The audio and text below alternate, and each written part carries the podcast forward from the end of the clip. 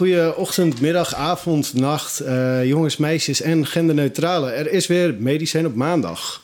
In deze aflevering hebben we het over de wondere wereld van ongevraagde adviezen en ongemakkelijke gesprekken, de opvoeding. Kan jij het goed met je ouders vinden of totaal niet? Vraag je ze wel eens om advies? Waar schaam je je voor? Of kun je juist alles bespreken? En als je thuis komt in het weekend, ben je dan echt weer even kind of meer een volwassene onder de volwassenen?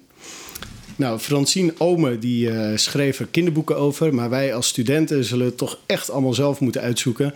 Dus dat gaan we vandaag doen met onze gasten Carlijn Saris. Althans, ik ging ervan uit dat je e-mailadres achter dat dat je achternaam was. Ja. Oké, okay. Carlijn Saris. Student journalistiek. En Daan van Beieren, beter bekend als uh, singer-songwriter Tols en uh, uit seizoen 1. Hoi en welkom allebei. Ik begin links van mij met Daan, die weer terug is. Hallo. Hallo. Hoe is het met jou? Het gaat goed. Ja, inderdaad, uh, de vorige was in mei of zo. En we hadden het er net al even over. Uh, we zitten nu in de herfst. Ja. Met veel regen en grijze dagen. En uh, is eerder donker en laat licht ochtends. Dus, we hebben meer koffie nodig. We hebben meer koffie nodig. Ja. Maar voor de rest gaat het goed. Ja, top man.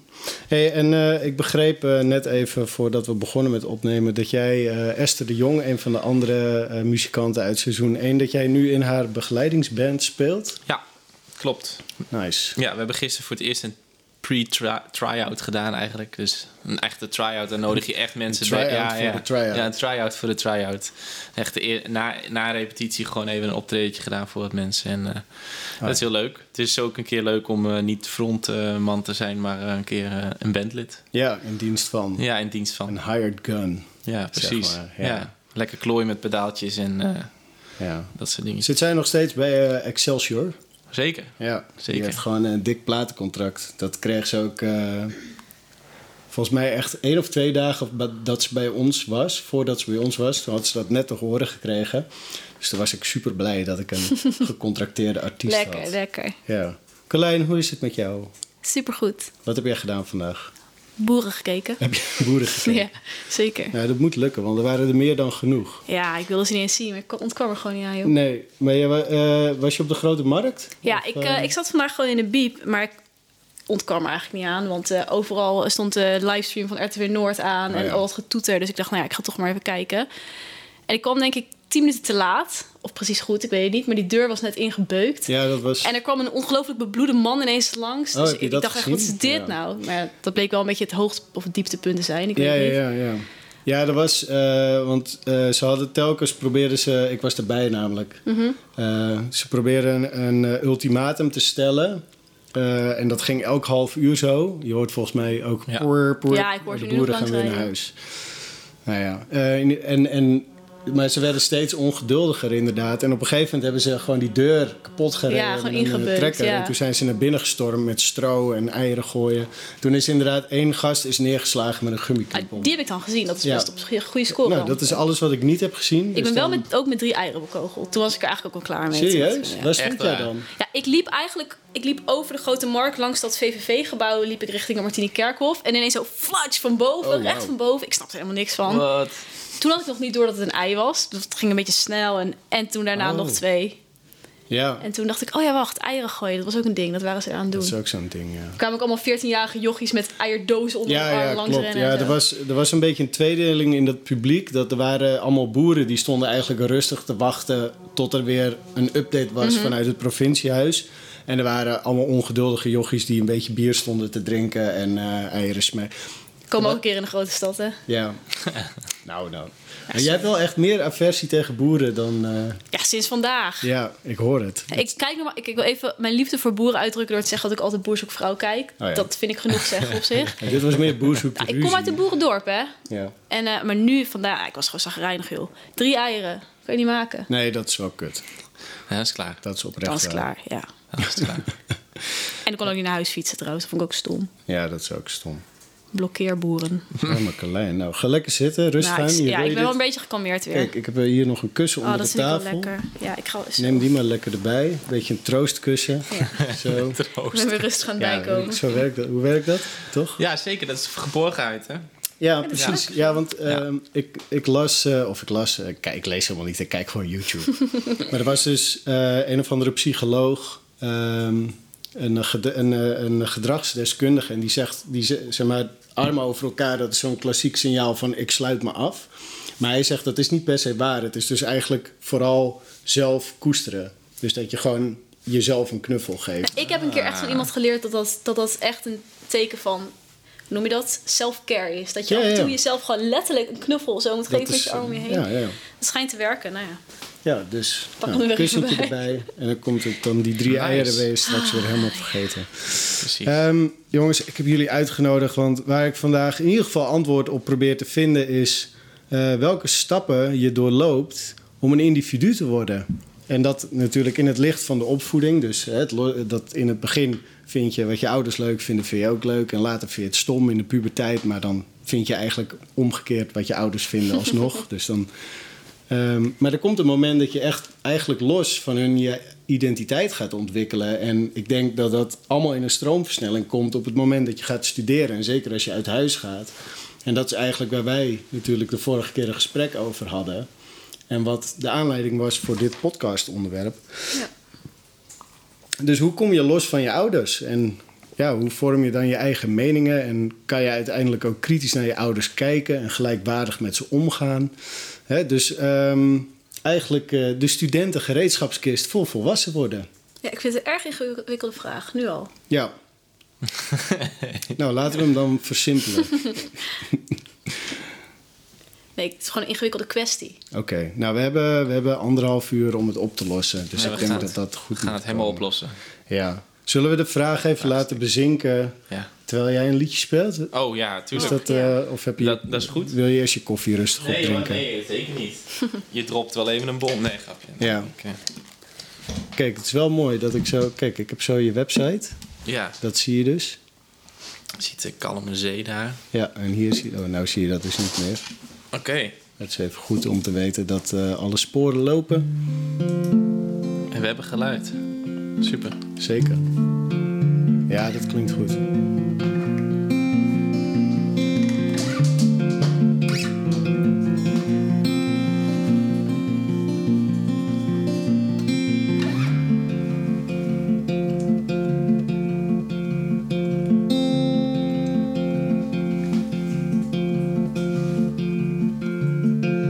Vlieg op de muur, zeg mij.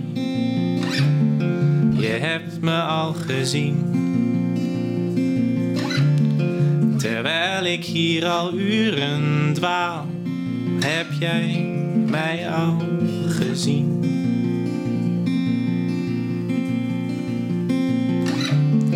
Vlieg op de muur, zeg mij. Zoveel dat jij al weet. En het lijkt alsof ik zoveel faal. En dat is wat jij al weet. Wat jij al weet.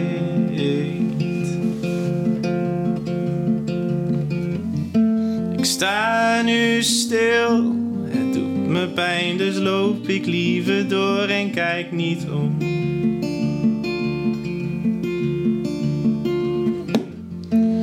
Loop dan door en voel mezelf sterker worden. Ga me niet meer voor.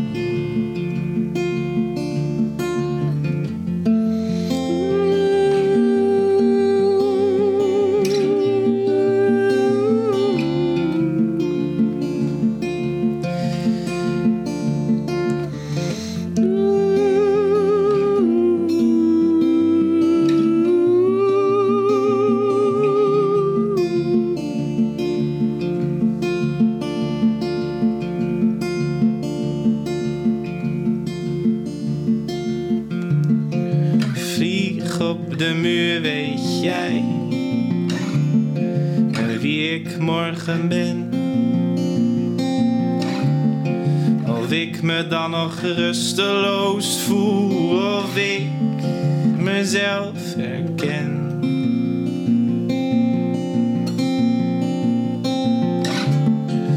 Vlieg op de muur, zit stil. dwaal niet door mijn hoofd. Elke vleugelslag een nieuwe vraag, elke dag een nieuw geloof. Een nieuw geloof.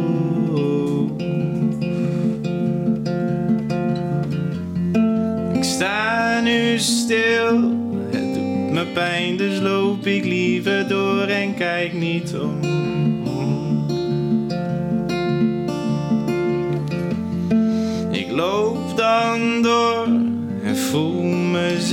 Sterker worden, ga me niet meer voor. Ik sta nu stil, het doet me pijn, dus loop ik liever door en kijk niet om.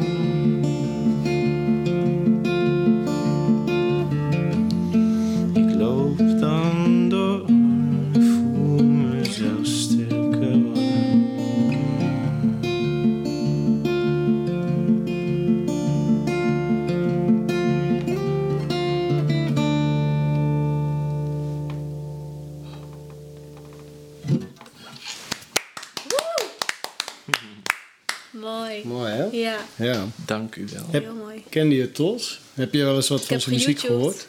Ah, oké. Voorbereidend werk. Die Wat clip op dat strand vond ik echt cool. Dank je wel. Ja, dat vond ik echt vet. Ja, Dat was zo met, eh, de, met in die stoel en dat ik Ja, eh, ja, ja. door eh, Eva Glasbeek Ja, dat was opgenomen. echt vet. credits, credits. Credits, credits, ja, die is nu heel druk. Die, die doet nu hele grote dingen volgens mij. Want ze, ze is Gronings. ja. En, ehm, maar ze, ze woont voor mij nu in Amsterdam. En ze heeft echt... In één keer zag ik in haar Instagram stories... dat ze in één keer op eh, een of andere grote luxe jacht zat. Eh, Oh. Een miljoenen jacht. Gewoon dat modellen stond te fotograferen. En Nou, heb je goed voor elkaar dan. nou, net, net op tijd. Ja. eh, Ja, zou ja, ja. zeggen. Dat, Nou, hij heeft indruk gemaakt. Dat nu... eh, ja, die was heel goed. Dat is van eh, Blijf je cool, toch? ja, Ja. klopt. Ga je die mooi. ook spelen? Ja, is goed. Als Ah, jij, ja, als jij dat wil. Als Ja. jij dat wil. Ja, heel graag. Dat is wel een van mijn favo's. Leuk. Ja. Daar zit Esther ook in, in die videoclip. Zij is een van die mensen die rondrent. Oh, ja, ja, ja. Ja, Cool. ja. ja. Nou, nice. Heb je je verder nog voorbereid met eh, op dingen? Heb je nog nagedacht over het onderwerp? Ik denk altijd over, over de onderwerp. over de gereedschaps... Ben je nog bij je ouders geweest? Jazeker, ja. Hoe was dat? Emotioneel. Ja? Voor mijn ouders niet hoor, voor mij alleen. Ik Hoezo ben al, dan? nou, mijn ouders gingen dus verhuizen. Ja. Ehm, het is niet het huis waar ik geboren ben, maar ik, ik ben daar naartoe verhuisd toen ik zes of zeven was. Dus pretty much mijn hele nou ja, bewuste opvoeding heb ik daar wel meegemaakt, zeg maar. ja. En daar gingen ze nu weg. En eh, zij hadden er hartstikke veel zin in en leuk. En, eh, maar ik vond het allemaal hartstikke... ah, ik weet niet. Beetje kut eigenlijk. Een beetje kut eigenlijk wel. Wrang, dubbel. Hm. Ja, het is een soort Ja. einde van een tijdperk dan. Ik toch? kan dat dan niet... Ik kan dat niet... eh, zeg maar het idee dat je daar al die herinneringen hebt... en dat je daar nooit meer terugkomt. Ja. Of het nou goede of slechte herinneringen zijn... dat maakt me niet uit. Ik kan het dan niet zo goed handelen... dat, dat, dat ik nooit meer op die plek kom, zeg maar. Ja. Ik heb het ook al op vakantie en zo. In hele kleine mate. Maar hier had ik dat echt heel sterk. Dan wonen er daar dan ineens andere mensen, weet je wel. Dan is dat helemaal niet meer jouw plek. Ja. Ja, heb je dat dan gek. als je teruggaat van vakantie of als je op vakantie bent? Nee, Of- ik realiseer me dat dan heel goed op het moment dat ik bijna wegga. Van ik ga hier nooit meer komen. Ah, Dus ik ga dit nooit meer zien. Ik- Ja. Dat heb ik vaak pas als ik ergens voor de tweede keer kom. Want dan heb je echt het idee dat je die stad of die plek dan echt kent, weet je wel. Ja. Dat je er wel echt een soort van verbinding mee hebt. Maar met een huis heb je dat natuurlijk helemaal.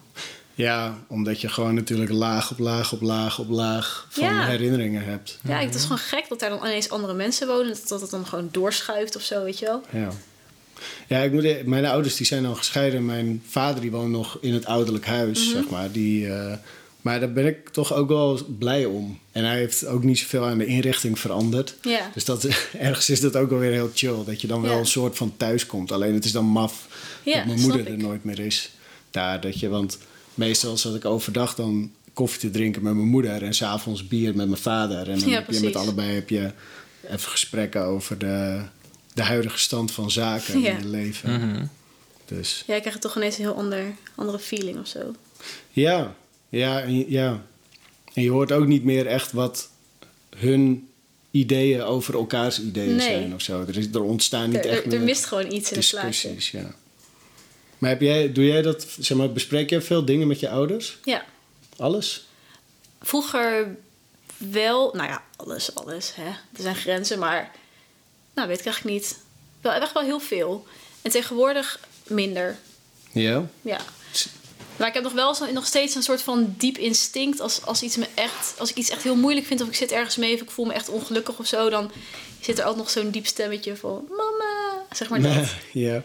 Maar heb, je, Ja, ja, dat, maar heb jij, dus kan ik er dan, zeg maar, heb jij een goede band met je ouders dan? Dat kan je dan wel enigszins concluderen. ja. Ja. En jij kan ook echt bij ze terecht voor advies. Ja, maar mijn ouders en ik zijn alle drie wel heel erg praters. Dus we hebben wel een goede band. Maar waar sommige mensen ja. elkaar misschien snel gewoon even een knuffel zouden geven... eh, is er bij, tussen mijn ouders en mij gewoon heel veel praten eigenlijk. Ja. Dus wat dat betreft kan ik altijd bij ze terecht, ja. Nou ja, en kijk, als bijvoorbeeld je ouders niet eh, gestudeerd hebben of zo, als ze niet bekend zijn met jouw situaties, Mhm. Dan kan ik me ook voorstellen dat het advies een beetje ophoudt. Want je zei van ja, vroeger vroeg ik wel heel veel dingen en nu niet meer zo. Dus dan ben ik gelijk nieuwsgierig, waar komt dat dan door? Nou, ik heb inderdaad heel bewust op een gegeven moment een periode meegemaakt. Niet zozeer, maar mijn moeder heeft bijvoorbeeld wel gestudeerd, maar die is altijd thuis blijven wonen. Dus sowieso dat Ja, uit huis gaan was wel een dingetje.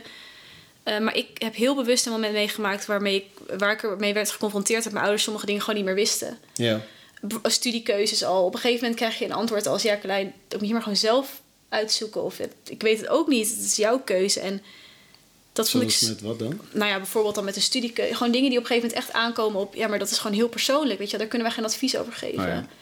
Eh, moet ik het uitmaken met mijn vriendje? Eh, wat voor studie moet ik kiezen? Ja, het kunnen hele grote of hele kleine dingen zijn. En in het begin was ik daar zo van in de war... dat mijn ouders het dan... Ja, dat ze daar nog geen antwoord op hadden, weet je wel. ja precies. Dat, dat snapte ik gewoon helemaal niet. Ja, Ik weet Ja, niet. Dan moet je dan daar aan wennen, inderdaad, Ja. denk ik. Ja, Ik denk sommige mensen zijn er... Voor sommige mensen is dat iets natuurlijks, denk ik. Dat voelen ze op een gegeven moment aan. Maar ik heb nooit heel erg zo'n hele het- rebelse puberteit gehad. Ja, oké. Dus Nou ja, en het is natuurlijk wat lastig, wat mij lastig lijkt, is dat op een gegeven moment voor jou, eh, ehm, de, ja, je zou zeg maar dat je de wereld van je kind groter is dan jouw wereld. Dus dat je gewoon een soort eh, eh, kosmische horror. nee, dat je gewoon niet meer in staat bent om de complexiteit van bepaalde problemen te Ja. snappen. Weet je? Ik denk, Ja. dat zie je bijvoorbeeld ook al. Ik kom dan uit de Randstad en dan had je jongeren die gingen studeren in Amsterdam. En dan, ja, begrijp Amsterdam maar eens als je daar niet bent, niet nooit hebt gewoond. Of zo. Precies. Ja. Dus dan op een gegeven moment, er zijn zoveel. Nou, dat geldt natuurlijk voor hier, voor de dorpen. En dan ga je naar de stad. Weet je, en het, het houdt nooit Ja. op. De stad gaat altijd door. klopt. Dus dan, ja, hoe, hoe leg je dan, hoe ga je dan je kind advies geven over wanneer je naar Ja. huis moet? Weet je, als Ja. je moe bent. Ja, maar wanneer, wanneer word je moe als je Ja. crack gerookt hebt? ja. Of, nou ja, Het verschilt, het, verschilt- dat verschilt ook weer heel erg met hoe, wie je ouders zijn en waar zij vandaan komen. Ja, Of zij ook ja. uit een grote stad, of zij ook gestudeerd hebben. Ja. Grote stad, of zij ook. oh, En of ze zich heel erg graag willen mengen in jouw leven. De ene ouder zullen zeggen: nee, je moet je echt zelf gaan uitvinden. De ander zegt: nou, ik zou het toch zo doen. Of, Ja, want Weet het is je, natuurlijk dit vind je omgekeerd leuk ook. Er zijn ook ehm, het gaat niet alleen over of jij je eigen weg vindt, maar ook in hoeverre je ouders jou los kunnen laten, zeg maar. Ja, ja, ja, zeker. Ehm, zeker. dat heeft er ook heel erg mee te maken. Want dat, dat heb ik bij mijn ouders gezegd. Die hebben daar totaal... geen- Tenminste, ze uiten niet dat ze daar heel veel moeite mee hebben gehad. Dat hebben ze Ja. ongetwijfeld hebben ze dat wel moeilijk gevonden. Maar ze zijn daar altijd heel vrij. Ze hebben me volledig mijn eigen gang laten gaan. Ik had niet zo'n moeder die dan ineens één keer in de week mijn kamer stond schoon te maken of zo, weet je wel. Oh ja. Ik, hoor, ik had net nog huisgenoten thuis. Die, met zijn moeder stond net nog schoon te maken. Toen dacht ik echt, hè? Wat? Ja, Bij een huisgenoot. Ja die komt, zijn moeder komt er af en toe langs en schoonmaken of eten Ah, brengen. het is nou, wel erg, ja. Zou, je, je dat, zou jij dat vervelend vinden? Nou, vervelend. Ik, mijn, ik, mijn moeder die vindt het, mijn moeder vindt het heel erg leuk om, om gewoon als er, als er dan iets moet gebeuren qua klussen en een beetje verf. En dat Oh ja. ze, daar vindt ze het heel Ja. leuk om echt mee te helpen. En dan, en dan haalt ze vaak ook allemaal dingen. En dan Oh, gaat dat ze ook nog wel eens een beetje. Als ze dan een beetje moet schoongemaakt worden, dan doen ze dat een beetje bij, weet je wel. Ah. Maar, maar het is niet, niet per se dat, ze dan, dat, dat, ze dan, dat zij langs zou komen en dat ze dat even zo gaan doen. Ja, nee, dat, dat, dat zou ik dan te veel vinden. Maar bij jou, ja, het is bij jou meer op aanvraag. Nou, meer van eh, dan. Ja, enthousiasme gewoon. als, als, als er iets moet gebeuren met klussen, verf. Ja, en maar dat zoals klussen is natuurlijk wel het uitgelezen ding waarbij ouders dan helpen of verhuizen. Weet je, zoals ik ben Ja, in Groningen drie keer verhuisd. Vier keer. vier keer zelfs. Wow. En eh, weet je, mijn pa die komt dan wel helpen. Ja. Gewoon, en dan rijdt hij, dan rijdt hij ook gewoon 200 kilometer voor op en neer. Oh. En dan dat is eh, ook wel heel heb cool. ik hier een busje. En dan, eh, ja, weet je, dus dat, maar dat zijn klussen Ja. bijvoorbeeld. En Maar hoe vaak app jouw moeder je bijvoorbeeld? Nou, ik heb best wel weinig contact met mijn ouders, denk ik. Als ik in ieder geval als ik ehm, kijk naar mensen om me heen.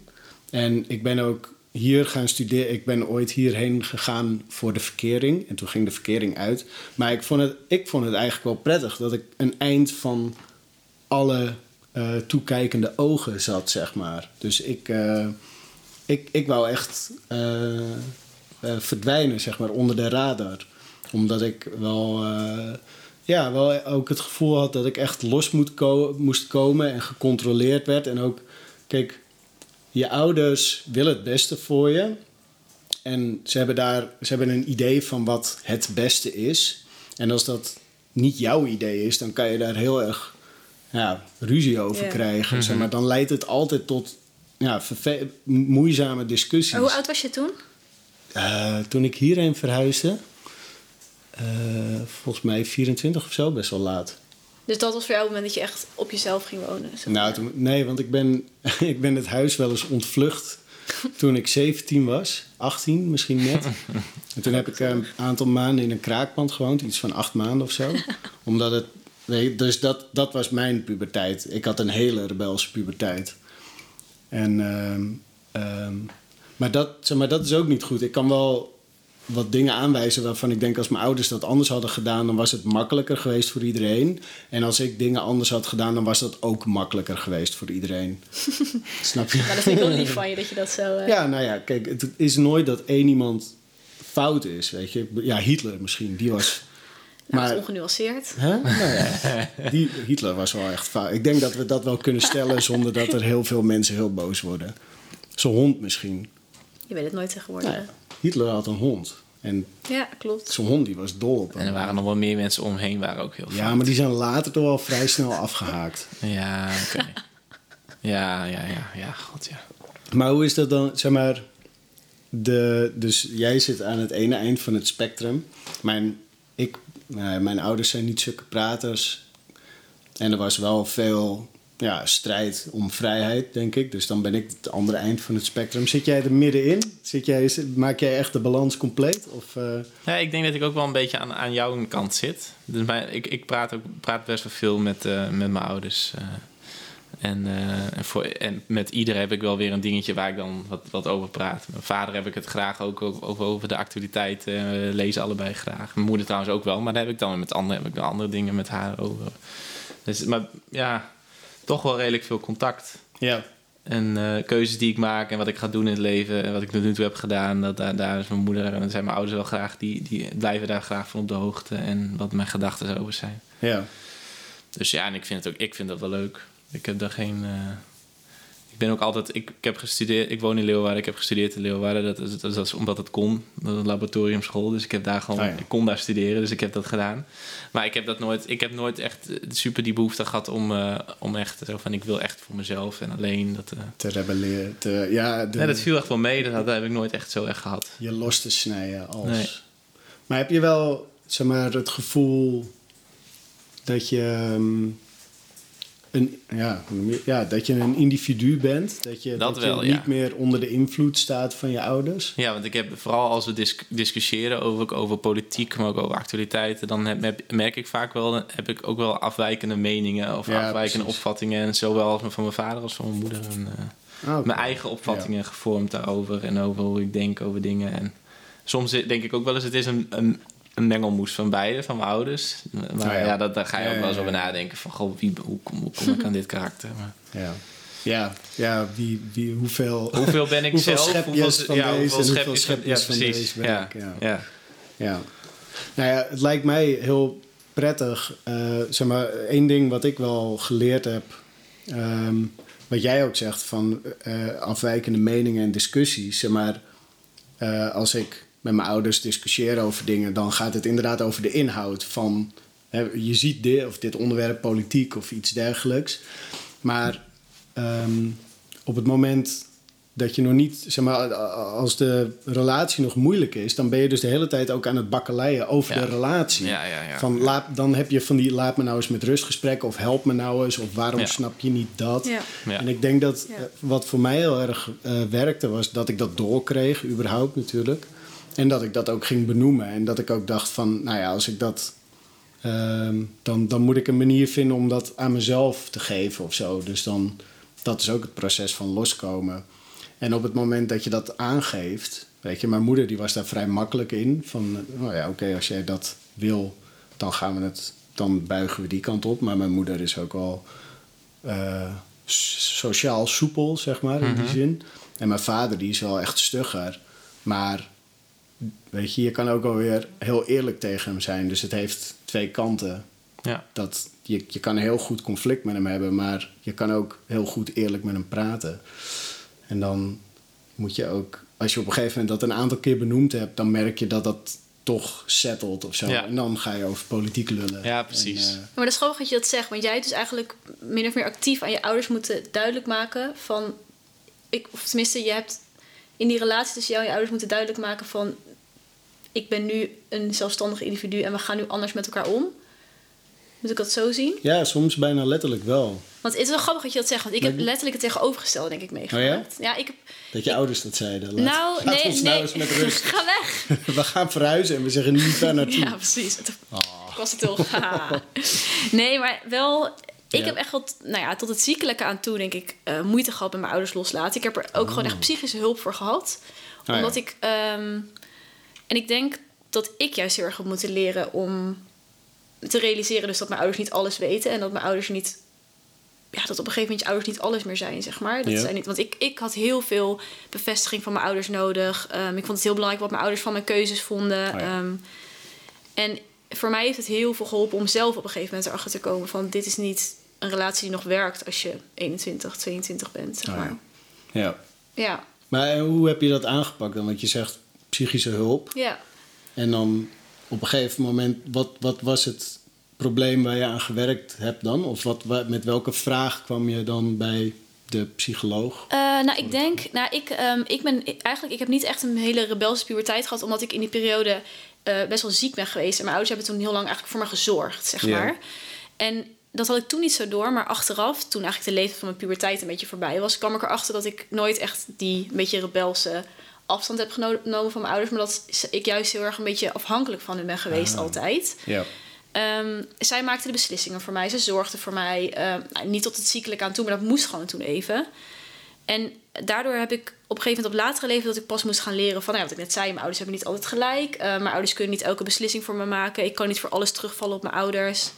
Mijn ouders zijn ook financieel en zo altijd heel erg nou ja, supportive geweest. Weet je, ook hoefde me Ja. daar niet echt zorgen over te maken. Dat werd gewoon allemaal geregeld. En maar ik heb me me daardoor mijn ouders echt gaan zien als een soort van baken, weet je wel. Ja, was een veilige Eh, deken. Maakt niet uit wat, als er paniek was, als er verdriet was, angst, altijd naar mijn ouders. Ja. En dat was voor mijn ouders denk ik ook heel lastig, want die zaten af en toe echt al met een hand in het haar van we weten niet wat we hiermee moeten, maar we kunnen ook niet zeggen dat ze moet stoppen met zeuren, want dat, daar wordt ze nog verdrietiger van. Ja, Ehm, precies. En ik denk wat voor mij heel erg heeft geholpen. Ik heb heel erg gewerkt aan eigenlijk wat jij zei. Op een gegeven moment kom je erachter dat je ouders niet alles weten. En dat je ouders niet voor alles perfect zijn. En ik vond dat in het begin best wel Ja. pijnlijk. Of Ja. eenzaam voelt dat ook wel, denk ik. Dat ja, je op het een is een moment... soort verlieservaring. Ja, er valt een soort van vastigheid onder je vandaan of zo. Ja. Je denkt van ja, als mijn ouders het niet weten, dan moet ik het zelf doen. Ik kan het helemaal niet zelf of zo. Nou, en ehm, eigenlijk beschrijf je heel mooi een, eh, eh, een, een, eh, een, een, proces uit de psychologie. Ehm, zeg maar, als je kijkt zeg maar, vanuit de psychoanalyse, dan als je kind bent, zijn je ouders echt een soort goden. Mhm. Eh, hè, ze zijn natuurlijk ook letterlijk twee, drie keer zo groot. Mhm. Dus dat, dat hele beeld vormt zich intern. En op een gegeven moment tijdens je puberteit, als je je eigen identiteit ontwikkelt, wat jij dus aangeeft, wat niet zo goed kon omdat Ja. je ziek was, eh, dan kom je daar dus inderdaad achter. Ja. En het is heel mooi dat je zegt van het is ook een soort verlieservaring, maar ook wel, ja, ik neem aan dat je dan ook al inderdaad, ja, dat paniekerige wat je zegt Ja. van. ehm, Wat moet ik dan? ja, weet je, al- als er geen absolute autoriteit is, hoe, hoe ga ik dan overleven in de wereld? Ja. En dat is, eh, ehm, nou ja, zoals ehm, Freud die zei van, ehm, en hij had het dan vooral over mannen, maar je kan het generaliseren. Je kan gewoon zeggen, een kind, om, om volwassen te worden, moet, moeten de ouders sterven. Ja. En ehm, Jung die zei van, het, maar dat kan symbolisch. Mhm. Dus inderdaad, jouw ouders zijn ergens van een soort godenstatus Ja, vooral in voetstappen. wel afgestorven Ja. tot mensenstatus. Ja, tot mensen. Ja, maar zo voelt het ook echt. maar, dat, maar voor jou is dat uiteindelijk beter. Veel geweest. beter. En ook waar veel mensen denk ik juist heel erg in conflict raken met hun ouders in de puberteit. Omdat ze zich tegen hun ouders afzetten, heb ik het idee gehad dat juist een reden van conflict dus heel erg was dat ik zo, zo erg afhankelijk van ze was. Daar ontstond juist heel veel ruzie en frictie. Want aan de ene kant, ik moest zelf keuzes gaan maken, maar ik vroeg heel veel van mijn ouders. Ja.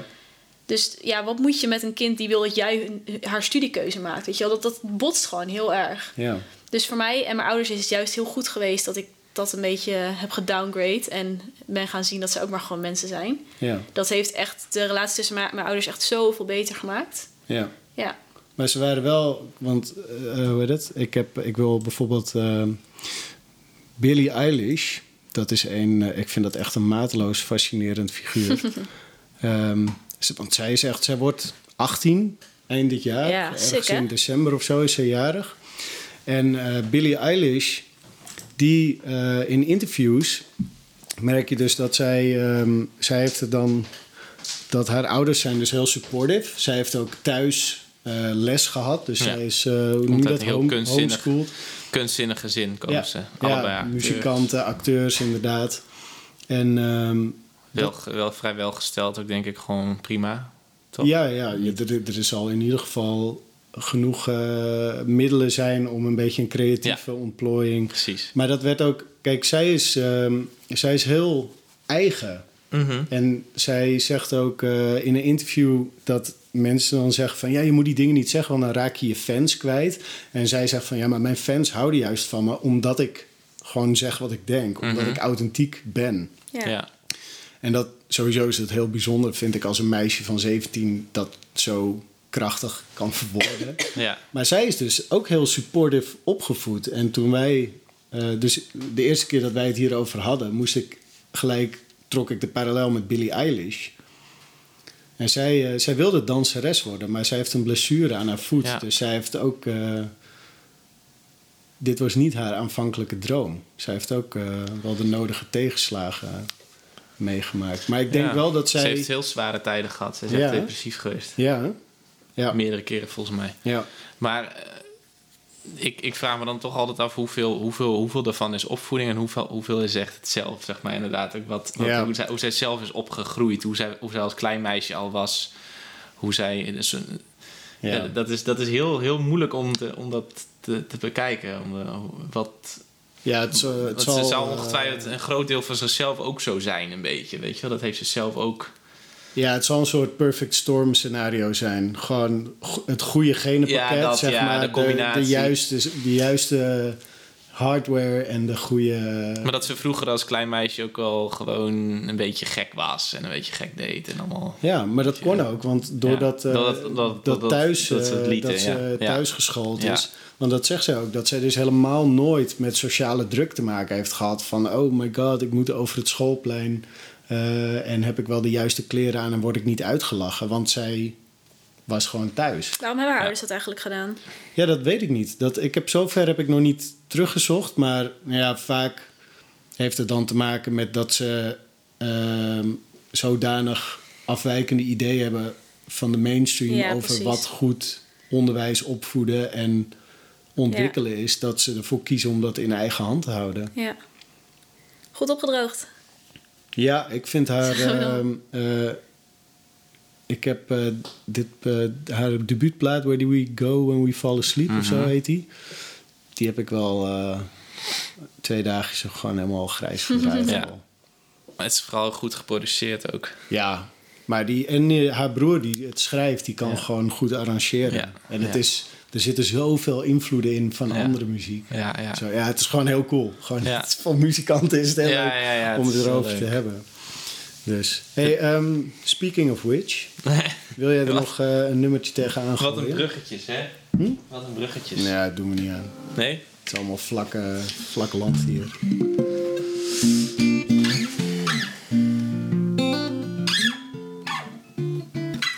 Nou, is goed. Ja.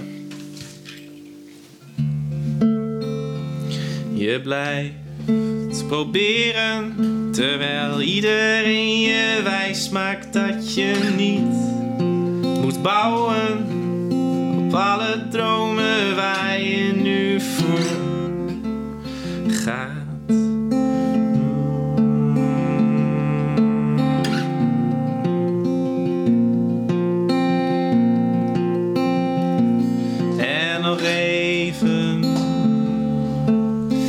Jij zult zien dat ik niet zomaar zeg dat de wind opsteekt wanneer jij straks op de Noordzee vaart. Wanneer jij straks op de Noordzee vaart. Dus ga door, zeil met zeven knopen door het schuitengat. En vertel iedereen wat jij zo al ervaart. En droom weg bij alles wat je ziet en voelt. En laat, laat los. Het tijd zal keren. Neem de tijd voor wat het brengt. Wacht tot je stroom mee hebt. De wind steekt op wanneer je verder gaat. Wanneer jij straks op de Noordzee vaart.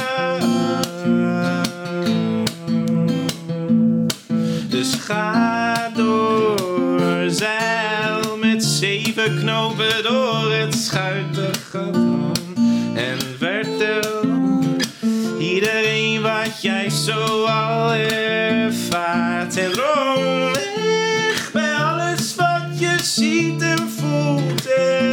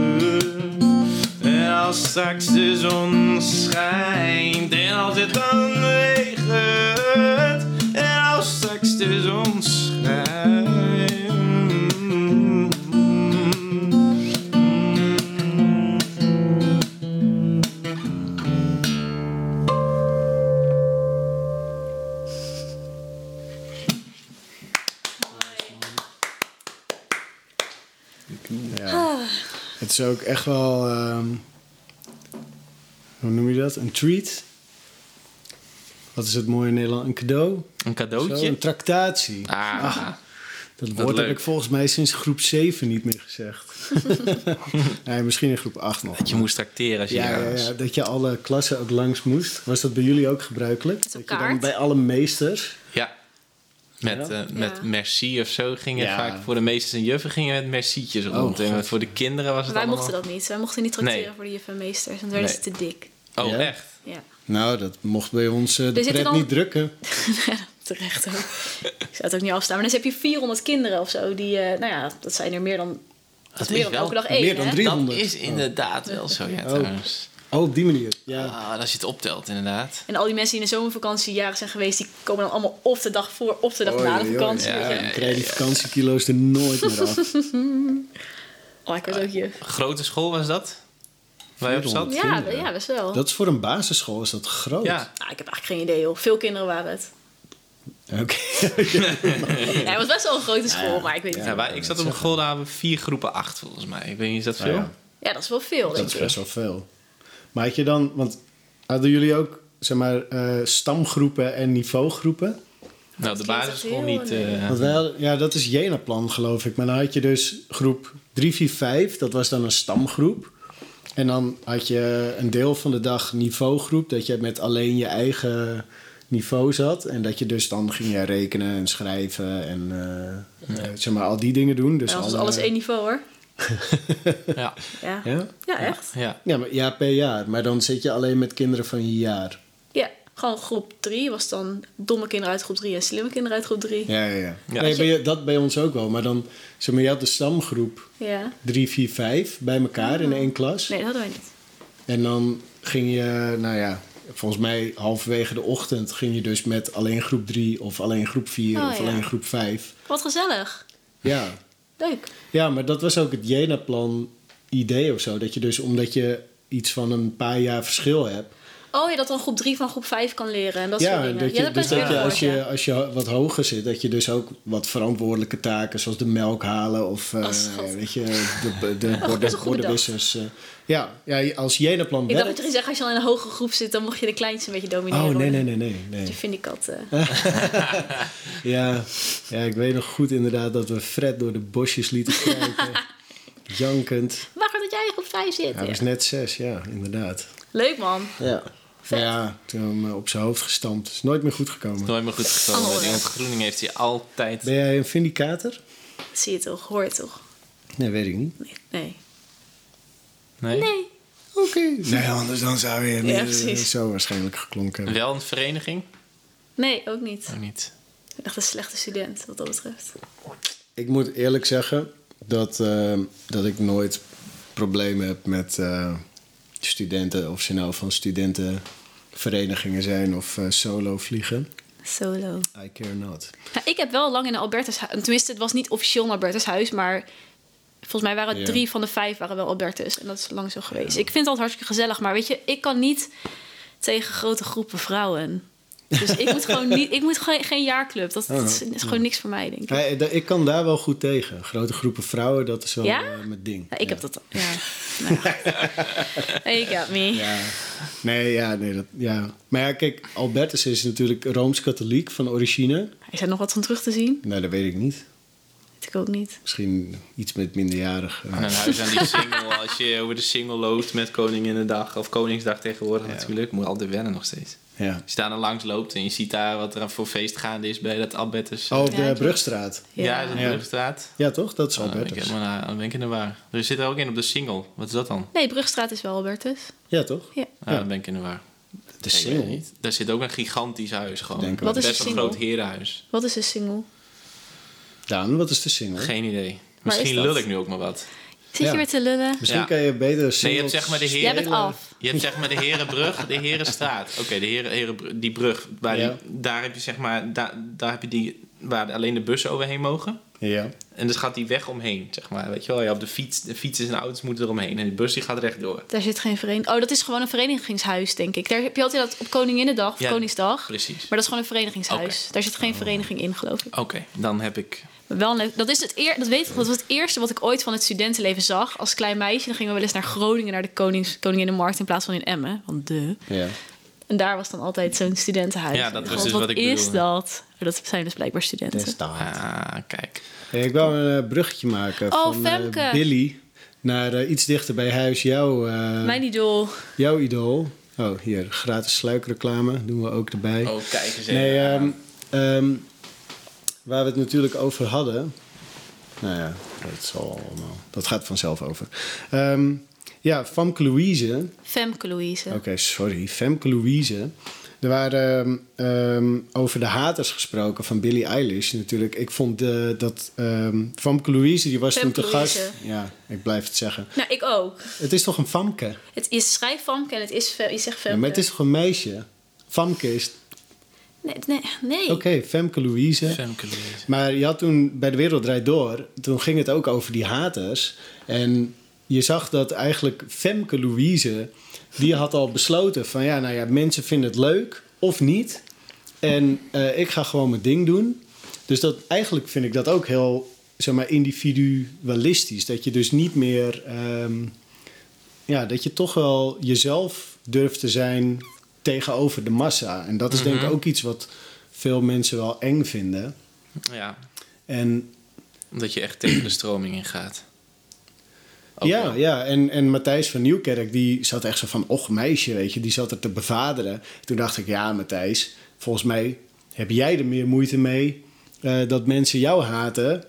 en projecteer je dat nu op eh, Femke Louise... Mhm. Dan, eh, dan dat Femke er zelf moeite mee Ja, heeft. ik vind dat bij haar toch echt wel een lastig.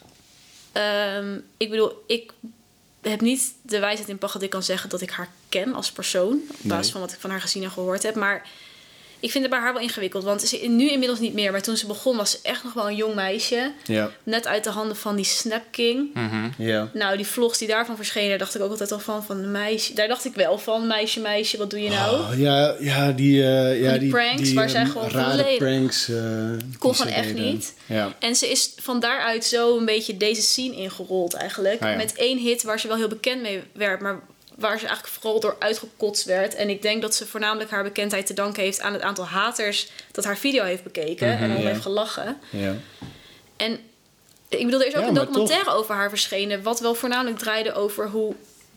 Nou ja, kut ze het eigenlijk vond. Nee, dat ze zoveel eh, haat over zich ja. heen krijgt. En Oh, hoe moeilijk ze het daarmee heeft. Daar hebben ze het hier ook over. Ik heb die Met documentaire Elsa, niet gezien. met de vrouw van, eh, een vriendin van Freddy Tratlenen van Viezever. Ja, Die maakt inderdaad documentaires. En die eh, heeft, en daar zit ze met haar. de- dat is rechts. Ja, die blonde vrouw. Ja. Ja, je moet eigenlijk...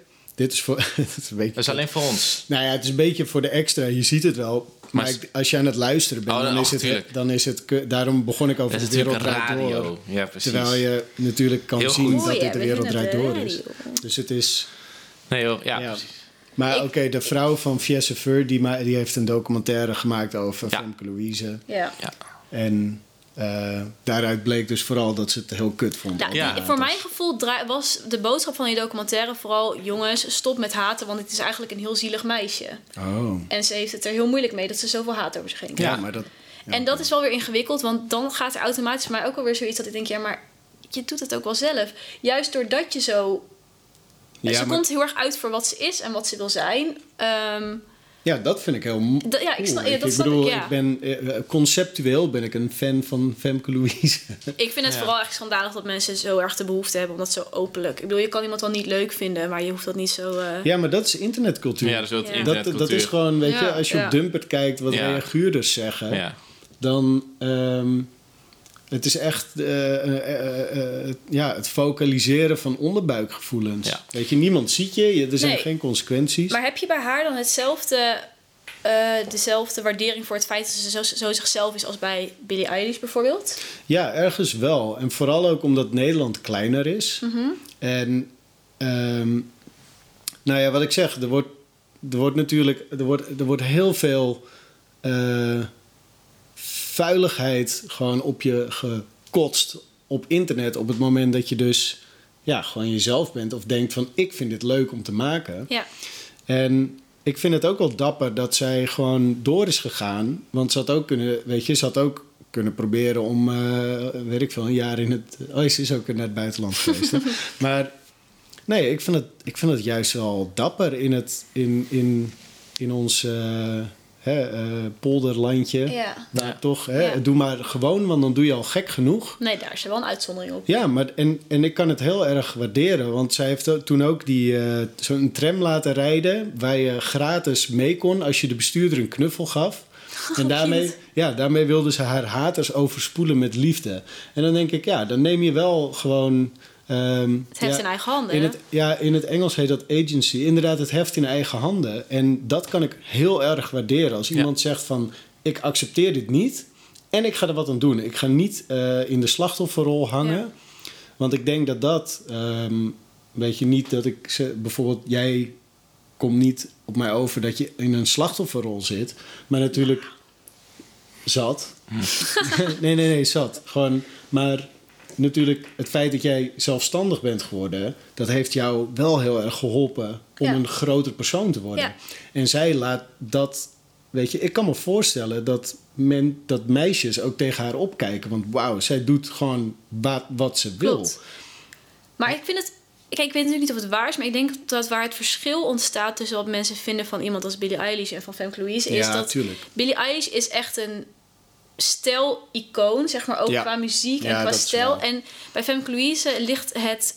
Ik wil gewoon fucking beroemd worden en heel veel geld verdienen. Ligt er heel dik bovenop. Ook Ja. omdat al lang is aangetoond dat ze helemaal niet kan zingen, bijvoorbeeld. Ja, klopt. Ik bedoel, als je niet met autotune zingt, is het gewoon verschrikkelijk. Ja.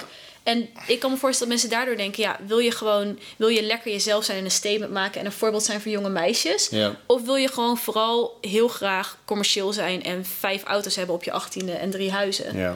En ik krijg bij Billie Eilish veel meer het idee als, als ik interviews zie. Een zeven, nu 17, 18 jaar en Femke Louise al een stukje ouder volgens mij. Ja, Ja. iets Femke Louise- bij Billie Eilish heb ik echt het idee van...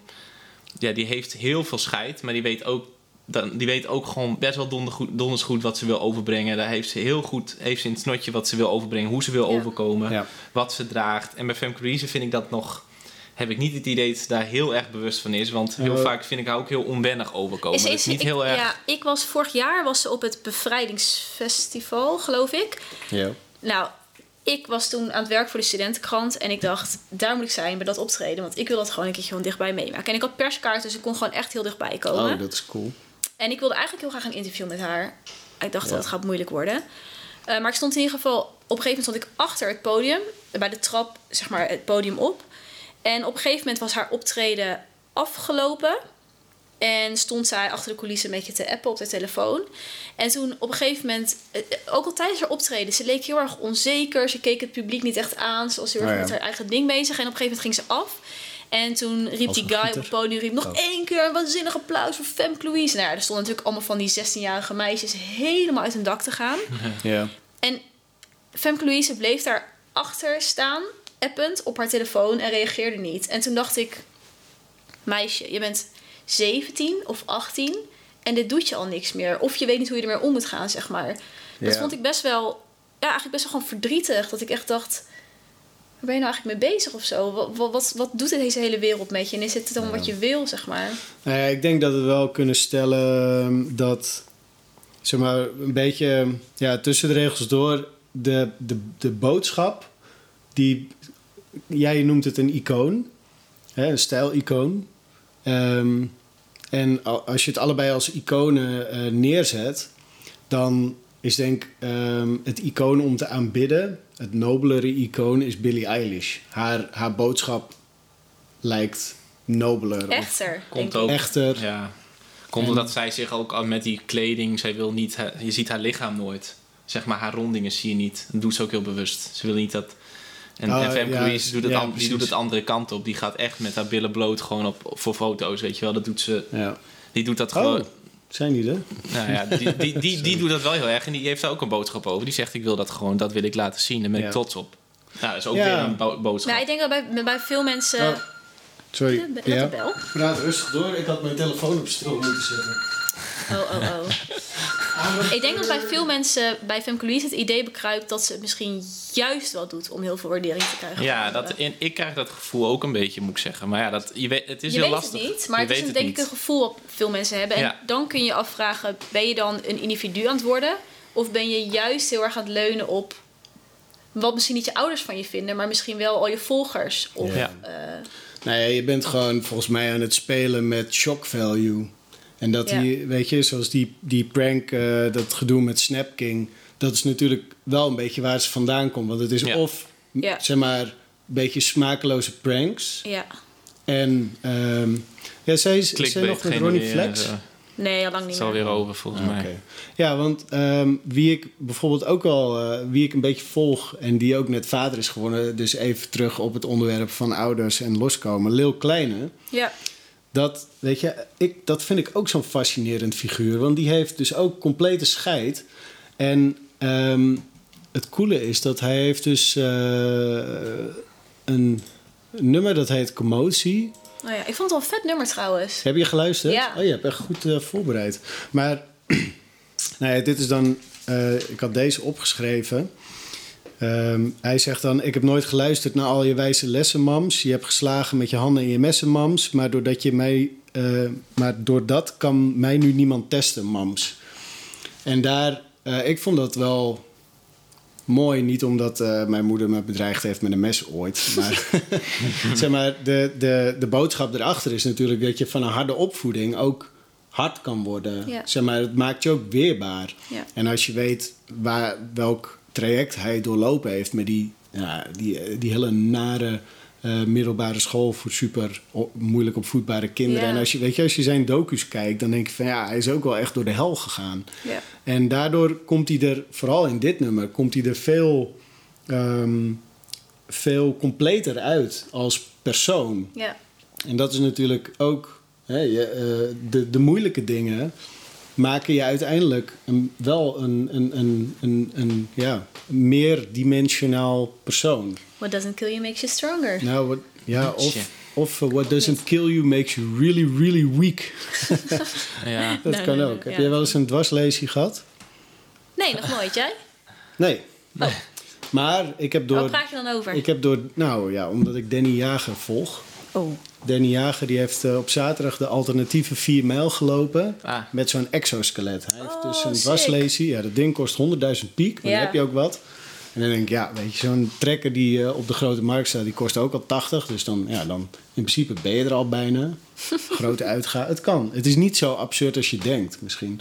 Maar die gast die heeft dus met een exoskelet, kan hij gewoon weer lopen. Dat is toch fucking bizar, ja.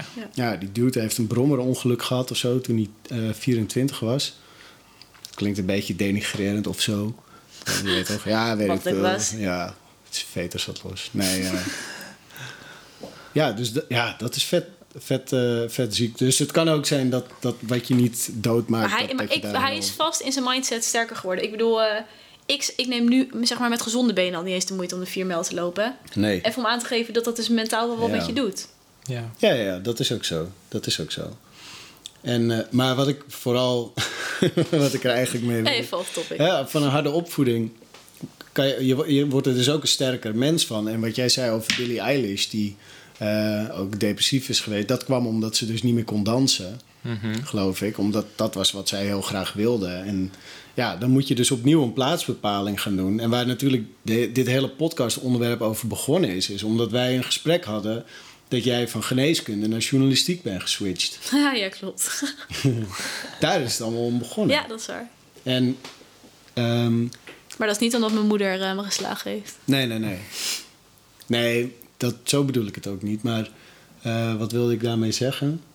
Dat, ehm, nee, daar begon het mee. Dus dat gewoon de, de, de moeilijke keuzes maken ook eh, een beter mens van je. Ja, Als je in, in ieder geval de, de confrontatie ermee aangaat. Mhm. En dat is wat ik dan bijvoorbeeld wel aan, eh, aan Femke Louise wel kan waarderen. Ze is toch op de een of andere manier wel de confrontatie aangegaan met al die haters. Ja, dat, doet ze, dat, dat gedeelte doet ze heel goed. Ja. Dat, daar ben ik het mee eens. En ik weet ook niet of dat een overeenkomst is in eh, alle drie, alle twee. Maar eh Femke Louise heeft ook geen vader meer. Nee, klopt. Die is in 2016 of zo is die, eh, bij een ongeluk ook Ja. omgekomen. Maar ik heb toch altijd een beetje het idee dat bij dat soort... of ouders die je mishandelen... of je hebt andere traumatische gebeurtenissen in je jeugd... je kan er Ja. op een bepaalde manier sterker door worden... als je het op de goede manier aanpakt... Ja. en in de goede omstandigheden zit. Maar het kan je ook echt onderuit halen. En, ik, Ja. en het heeft ook te maken met coping... en hoe je dat inzet en hoe je ermee omgaat. Maar dat kan denk ik echt twee kanten op. Ja. What doesn't kill you makes you really, really weak. Of stronger. Ja. Of stronger, inderdaad. Ja. Nee, dat is precies dat. dat, is precies dat. Vrijwillige confrontatie met, met, ja, je kan het je demonen noemen. Want ik bedoel... Of je angsten. eh Lil Klein is denk ik een goed voorbeeld. Toen ik dat nummer hoorde, dacht ik, was ik echt onder de indruk dat ik dacht: kijk, dit kun je. Je kunt negatieve energie omzetten in zoiets, in een gevoelig, kwetsbaar nummer. Ja. Maar er zijn de afgelopen jaren ook echt wel dingen met hem gebeurd. Dat, dat als iemand zou zeggen: ja, maar hij had een slechte jeugd, je zou zeggen: oh, nou, dat verbaast me niks. Dat verklaart een hoop. ja. Snap je wat ik bedoel? Ja, en ik vind ook dat ehm, eh, het is maar tot op een bepaalde hoogte een excuus. Ja. Ik vind, weet je, ik heb zelf ehm, begon ik met dit soort dingen erover na te denken. Ik denk rond tussen mijn 18e en 21ste of zo. Toen dacht ik, nou ja, als ik niet tevreden ben over, di- over wat ik, hoe ik nu opgevoed ben. en ik vind dat ik vaardigheden mis of zo. dan ga ik mezelf nu heropvoeden. Ja. En dan ga ik niet eh, nog tien jaar lopen roepen. Ja, maar ik had uh, kutjeugd. Wat ik overigens helemaal niet had. Maar In je? hoeverre hebben jullie het idee dat jullie een, een product zijn van jullie opvoeding? Ja, dat... Lastig te zeggen, vind ik dat ook wel. ja. Nou, ik vind het, ja. Ik denk daar wel vaak over na de laatste Ja. tijd. Ja? Ja, op dit moment, ondanks dat ik echt vind dat ik een ontzettend sterke, onafhankelijke vrouw ben, Ja. Denk ik toch dat er nog steeds wel dingen zijn waarvan ik denk, nou, ik mag er best wel wat meer nog mezelf in vinden of zo. Ja. Maar het kost ook veel tijd, weet je. Want er zijn honderden onderwerpen waar, weet je, je ouders geven je in twintig jaar zoveel informatie mee. Ja, Ja. ja, En, je, en de familie eromheen, die ook Ja. allemaal invloed op elkaar uitoefenen. Dus het is ook. Kijk, ik weet wel dat ik, ehm, wat jij zegt, genetisch ben ik echt een mix van mijn ouders qua karaktereigenschappen. Maar ik heb, als ik kijk naar hoe zij hun leven leven, dan kies ik een heel ander pad. Dan, dan zeg maar, ik volg niet de een of de ander. En ook niet een gulden middenweg van wat zij doen. En ik doe zelfs niet wat mijn broertje doet. ja. Dus ik heb, ik heb heel radicaal gekozen voor dat ik iets anders wilde doen. Omdat ik het idee had dat er meer... Ik zocht meer of zo. ja. Ja, precies. En dat, ik, heb, ik moet eerlijk zeggen dat nu... Het is wel een hele fijne zoektocht. Want het, zeg maar, er is wel frustratie. Maar dat is het echt waard. Omdat, weet je, bijvoorbeeld deze podcast... wat ik super leuk vind om te maken... dat is wel een resultaat van dat ik eh, me er nooit bij, bij heb neergelegd... dat ik iets met mijn creativiteit wil doen. ja. Dus ga ik iets in elkaar zetten. Ja. Oh, dat herken ik wel ook met die studieswitch. Ja, Ja. dat is wel... eh, Want mijn moeder is... Oh, ik schaam je ook gewoon voor. Mijn moeder is kinderarts. En ik ben ook geneeskunde gaan doen. Ja. Lekker cliché. En mijn zusje doet verpleegkunde. Ja. Ik kan zeggen dat het toeval is. Maar ik betwijfel het. Ja, en Wat ik bedoel? Ehm, ja, Dus artsen zijn vaak hele artsenfamilies, toch? klopt, klopt. Ja. Nou, dat valt bij ons mee. Mijn moeder is wel de eerste, geloof ik. Maar alsnog... ja. jij gooit gelijk weer roet in het eten. Nee, sorry. Ja, echt stom. Ja, ik vind het wel dat, is, dat, hoe, is het heel vers? En word je daar van je stuk gebracht eh, als... als, als Nee, als nee, nee, het is helemaal niet. Zeg maar, als ik mijn situatie uitleg aan mensen oppervlakkig van mijn moeder is arts, ik deed ook geneeskunde, ik ben gestopt, Ja. dan zien mensen meteen zo'n cliché verhaal voor zich van ik die heel op een zeg maar een beetje werd geforceerd de geneeskunde Oh, werd gedrukt en toen ben gestopt en dat mijn ouders heel teleurgesteld wa- waren dat ik geen hartchirurg meer werd. Maar zo is het bij mij helemaal niet gegaan. Ja. Nee, totaal niet. Sterker nog, ehm, ik denk dat mijn ouders best wel opgelucht waren dat ik ben gestopt. Dus Ja. Ja. Omdat je voel je je prettiger in journalistiek ook? Eh, ik had hetzelfde wat jij zei, dat ik, ik kon mijn creativiteit gewoon echt niet kwijt. Nee. En ehm, ondanks dat je op je 17e, 18e nog echt wel zoekende bent naar jezelf, denk ik dat ergens blijft er echt wel een rode draad van persoonlijkheid door je hele leven Ja, heen. absoluut. En Ja. toen ik op een gegeven moment de knoop doorhakte dat ik toch journalistiek wilde gaan doen, waren mijn ouders echt de eerste die zeiden: Oh, dat past gewoon echt bij je. Dat is Oh, gewoon tof. echt een goed idee. Ja, dat is wel dat is heel nice. Ehm, ja. Meer nog dan ik zelf, denk ik. Dus dat is dan ook Ja. wel weer interessant. ja. Over je losmaken. Dat ik misschien wel de mijn ouders daar nog wel de doorslag in zijn geweest. Ondanks dat het idee wel vanuit mezelf kwam. Ja. Maar dat mijn ouders degene waren die hebben gezegd: Dit past echt bij jou. Dat is ook weer typisch Ja. eigenlijk. Ja, maar ja, ze kennen je natuurlijk ook goed. Maar het is wel, kijk, uiteindelijk, je moet het wel helemaal zelf ontwikkelen. Wat Ja. journalistiek in jouw leven gaat betekenen. Klopt. En daarvoor kan je niet de hele tijd naar je ouders blijven kijken. Nee, en dat is ook al voor het eerst, want ik zei, mijn moeder heeft dan nooit op kamers gewoond, maar ik deed letterlijk dezelfde studie als mijn moeder. Als ik iets niet snapte, dan kon ik nog steeds op mijn 20 jaar mijn boek naast mijn moeder neerleggen en Ja, legde zij het uit. Ja. En pas bij journalistiek had ik echt het idee van, fuck, nu sta ik er gewoon alleen voor, weet je wel. Ik moet een scriptie schrijven, ik heb geen idee. Als ik thuis kom en ik leg aan mijn ouders uit wat ik aan het doen ben, hebben ze geen idee. Ja. Dat was eigenlijk pas vorig jaar voor het eerst dat ik daarmee geconfronteerd werd. ja. Best wel gek eigenlijk. Ja. Maar eh, hoe reageren ze erop? Zijn ze wel zijn ze geïnteresseerd? Of hoe, Ja. eh, En journalistiek is natuurlijk sowieso, weet je, als je als ouders een beetje betrokken bent bij de actualiteit, is het altijd leuk, want het is altijd een leuk Ja. gespreksonderwerp. ja. Ehm, maar het is, nee, mijn ouders zijn wel heel geïnteresseerd eigenlijk. Alleen Ja. ze begrijpen het gewoon niet altijd. Maar vind ik eigenlijk misschien ook wel lekker of zo. ja. Dat, is, dat dat voelt ook wel een beetje als een Dan is bevrijding. het je een eigen ding. Ja, precies. Anders blijf je altijd een soort van namaaksel van je ouders of zo. Ja. Nou, en inderdaad, eh, we- weet je, dat, dat je ouders ook maar mensen zijn. Mhm. Eh, op het moment dat je hetzelfde doet als je ouders, dan, blijf, dan ben je altijd. Dan zijn ze altijd een voorbeeld. Nou, maar. en je blijft natuurlijk 30 jaar achterlopen Precies. op hun ervaring. Dus je haalt ze ook nooit in. Nee. Dus de kans dat jij het gevoel hebt dat je een, een respectabel niveau in, in, je, in je specialiteit bereikt, Klopt. dat is ook veel kleiner. Ja, dat is nu je het zegt, dat is inderdaad wel waar, ja. Ik voelde me altijd nog een soort van... ja, je voelt je extra kind als je dezelfde studie doet als je ouders. En zij Ja. weten precies van, oh, ze is nog maar een beginneling, weet Ja. je wel. Oh, ze weet nog helemaal niks eigenlijk. Nu weet ik nog steeds helemaal niks, maar mijn ouders hebben geen idee. Voor hun is het allemaal hartstikke indrukwekkend. Ja. Ja. Weet je, ik hoef echt een super klein stukje van tien regels te typen. Dat wist ik nog in het begin van mijn studie. Dan stuurde ik dat op en dan... Ik heb even een stukje getypt. Ja. Heel trots. Ja. Zo schattig. Maar Ja, ja. dat is wel leuk. En dat is denk ik wel een mooie, als we het dan over het onderwerp waar we het over hebben, loskomen van je opvoeding, is dat dan een mooie een soort van eh, perfect voorbeeld over de, het, Ja. het- jouw geval met de studie. Zeg Ja. maar. dus, dus niet het, het volgen van je ouders Nee. in de richting van geneeskunde, Nee. maar dan helemaal loskomen door iets helemaal eigens te gaan doen in de journalistiek, waar zij niet zoveel mee te maken. Nou, dat is wel grappig, want jij zei een beetje die balans tussen nature en nurture, zeg maar. Ik heb wel allerlei kanten van mijn familie. Ik heb bijvoorbeeld schrijvers, maar mijn vader Oh ja. niet. En mijn moeder niet. En mijn opa en mijn oma niet, zeg maar. Dus het zit ergens wel in mij, denk Ja. ik. Alleen het komt niet vanuit mijn opvoeding. Nee. Dus dat is eigenlijk wel weer grappig, Ook wel weer zeg cool. maar. En schrijven is ook wel echt gewoon een, een vaardigheid. Ja, nou, dat kunnen mijn ouders niet hoor. Maar, Sorry, man. maar ondanks dat het wel praters zijn. Ja, Natuurlijk gedachten. Ah, maar jij, jij bent ook journalist. Je weet hoe het is met schrijven. Het is, zeg maar, je- een hele kleine groep vindt het echt leuk. En de andere 80% snapt echt niet waarom je je tijd zou verspillen aan schrijven. Ik bedoel, iedereen kan wel schrijven, maar Ja. heel veel mensen zien er de lol gewoon echt niet van in. Nou ja, ik denk dat mijn hele, zeg maar, mijn liefde voor het schrijven komt uit, eigenlijk uit de drang tot een individu worden. En ik kreeg een keer zo'n zwart Moleskine notitieboek. En daar ben ik, nou ja, ik schreef altijd liedjes en gedichten.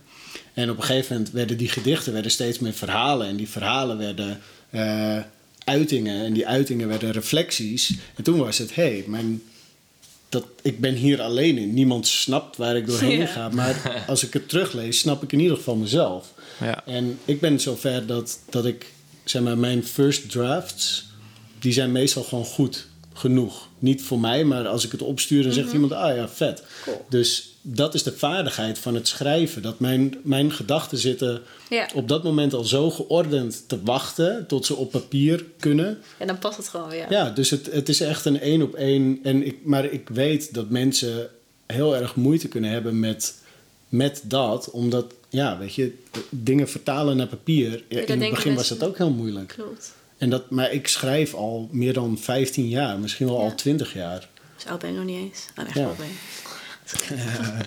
Maar jij zegt van op een gegeven moment ben ik de enige die het nog begrijpt of zo, zei je toch? Als ik iets opschrijf. Ja, die, nou ja, weet je, tegen het eind, dus rond mijn adolescentie, dat ik ook het Ja. huis uitvlucht en zo. Ja, dat, ik heb wel dingen teruggelezen dat ik denk van, nou, ik was wel ja, heel alleen. Oh. Ja, want dat, want dat zat ik me net af te vragen. Her- Herken je dat gevoel dat je op een gegeven moment voelt van... oké, ik begin mijn eigen shit te fixen en ik begin mezelf te kennen... maar dat dat ook best wel eenzaam kan voelen of zo? Ja, juist. Ja. Ja. Sowieso. Ja, ik heb Zijn- dat ook wel gehad. dat Maar dat zijn vaak, dat zijn, dat zijn niet, dat zijn kleine momentjes vaak, vind ik. Dat, je- dat je Van dat eenzaamheid. Nou, niet per se eenzaamheid. Ik vind het een groot woord ervoor. Maar ik denk toch dat je... Je wordt een soort van geconfronteerd met het feit... Ja, dat je dus de deur op terugkomt dat je dat alleen gaat doen. Je doet het, je, jij doet het alleen. Het is jouw ding. Ja. En dat je dan eventjes soms erbij stilstaat... dat jij dat allemaal aan het doen bent. En jij je keuzes maakt voor misschien wel de rest van je leven. Of voor op dit moment. ja, sowieso de En dat je- komende vijf jaar. Bijvoorbeeld. Ja, maar dat ja. kan dan even zo'n moment zijn van, van even in perspectief. Of even van wat ben ik nu aan het doen. En dat kan dan weer confronterend zijn misschien. Of, of dat je het helemaal geweldig vindt. Maar Ja. Het kan ook zijn dat je denkt, oh ja, ik ben het echt alleen allemaal aan het doen. En, Oh. ja, er is niemand die me, nee, er is niemand die... die me richting aanwijzing geeft. Maar ook misschien los van grote beslissingen, niemand die je echt begrijpt. Je kan je gewoon, je kan een bepaald gevoel in je lichaam hebben. Je kan heel erg blij zijn of heel erg verdrietig zijn of heel erg bang zijn. En je realiseert je op een gegeven moment gewoon dat er niemand is die dat gevoel letterlijk. Vroeger, vroeger dacht ik altijd dat mijn ouders dat wel snapten, weet je wel. Als ik zei ik ben bang of ik ben verdrietig, dan wisten ze in ieder geval de dingen te zeggen, waardoor ik het idee had dat ik daar niet alleen voor stond. Mhm. Maar als je ouder wordt, worden gevoelens complexer en situaties complexer. En dan Ja. denk je op, op een gegeven moment gewoon, fuck. Maar- Ja. gewoon Kan je bijvoorbeeld kan je goed op jezelf zijn, goed alleen zijn? Ja, ik kan, dan kan ik vrij goed. Ja. Ik heb ook wel geleerd, ik heb ook wel door een keer een, een best wel een, een klote periode te hebben gehad, leer ik heel goed, heb ik heel goed geleerd om, als, het weer, als ik me eventjes niet goed voel, dan kan ik heel goed tegen mezelf zeggen, dit is nu. Ja. En ik ga vanavond even lekker slapen en dan ben ik morgen weer en dan ben, is het gewoon beter. Ja. Dat, dat heb ik echt geleerd van, van je even een periode niet zo goed voelen, zeg maar. Ja. Dus daar, daar heb ik, en, en goed op mezelf kunnen zijn, ja, dat, dat, dat, ik vind het fijn om af en toe even lekker op mezelf. eh, Ja. en dan kan ik je juist ook soms niet fijn voelen, maar dan, ja, er zijn dan heel veel mensen die daar heel, erg- heel erg bang voor worden en denken van shit, ik moet, nu, ik moet nu weer iets doen, ik moet naar iemand toe, ik moet naar mijn moeder of ik moet naar mijn, een vriend van me of Ja. ik moet naar buiten, ik moet gaan drinken, weet ik veel wat. Maar Ja. nee, ik, ik vind het dan juist ook wel weer interessant om dat te doorlopen. Zo van, ga maar even door, die dal, door het dal heen, zeg maar. En dan, Ja, maar ik denk dat als je... Want dan heb je het over emoties. En ook wat jij zegt van ik ben bang en niemand begrijpt me. En als op een gegeven moment niemand het meer begrijpt... Kijk, jij als muzikant kan natuurlijk op zeker, tot op zekere hoogte... kan jij je eigen emoties, je innerlijke wereld... kan je wel goed onder woorden brengen. In ieder geval in een vertaling die jij zelf begrijpt. ja, En als je dat ook niet kan, dan eh, kan het natuurlijk heel eng worden om Ja. in je eentje opgescheept te zitten met wat je dan voelt. Zeker als Ja. het niet fijn is wat je voelt. dan Hoe heb jij dat dan? Kun je goed alleen zijn? Ik kan goed alleen zijn, ja. En vroeger niet, maar ik heb dat wel ik heb dat geleerd eigenlijk op dezelfde manier zoals jij dat zegt. Dat je inderdaad op een gegeven moment ja, dat je met jezelf leert communiceren en dingen in, in perspectief plaatsen. Maar ik heb bijvoorbeeld ook wel geleerd dat als dat echt niet lukt, dat je dan eh, ook gewoon maar even iemand opbelt of zo. Ja, Maar ik ga niet, eh, zeg maar, ik kan voor mezelf zorgen, ehm, spiritueel gezien. Mhm. En ik denk dat, dat dat ook een hele belangrijke stap is in het volwassen worden. Dat je in ieder geval een soort ehm, stappenplan hebt van wat je kan doen als je je niet goed voelt. Dus Mhm. weet je, even pas op de plaats maken, lekker vroeg naar bed. Of eh, even alles op papier zetten, op een rijtje zetten. Nou, als dat niet lukt, eh eens even iemand bellen. Ja. Of eens even overleggen. Of, eh, weet je, ik google ook heel veel dingen. Ja. Ja. het is heel dom en simpel. Ja, Maar als ik werkt. niet weet... Nou ja, en natuurlijk, ehm, ik woon nu samen.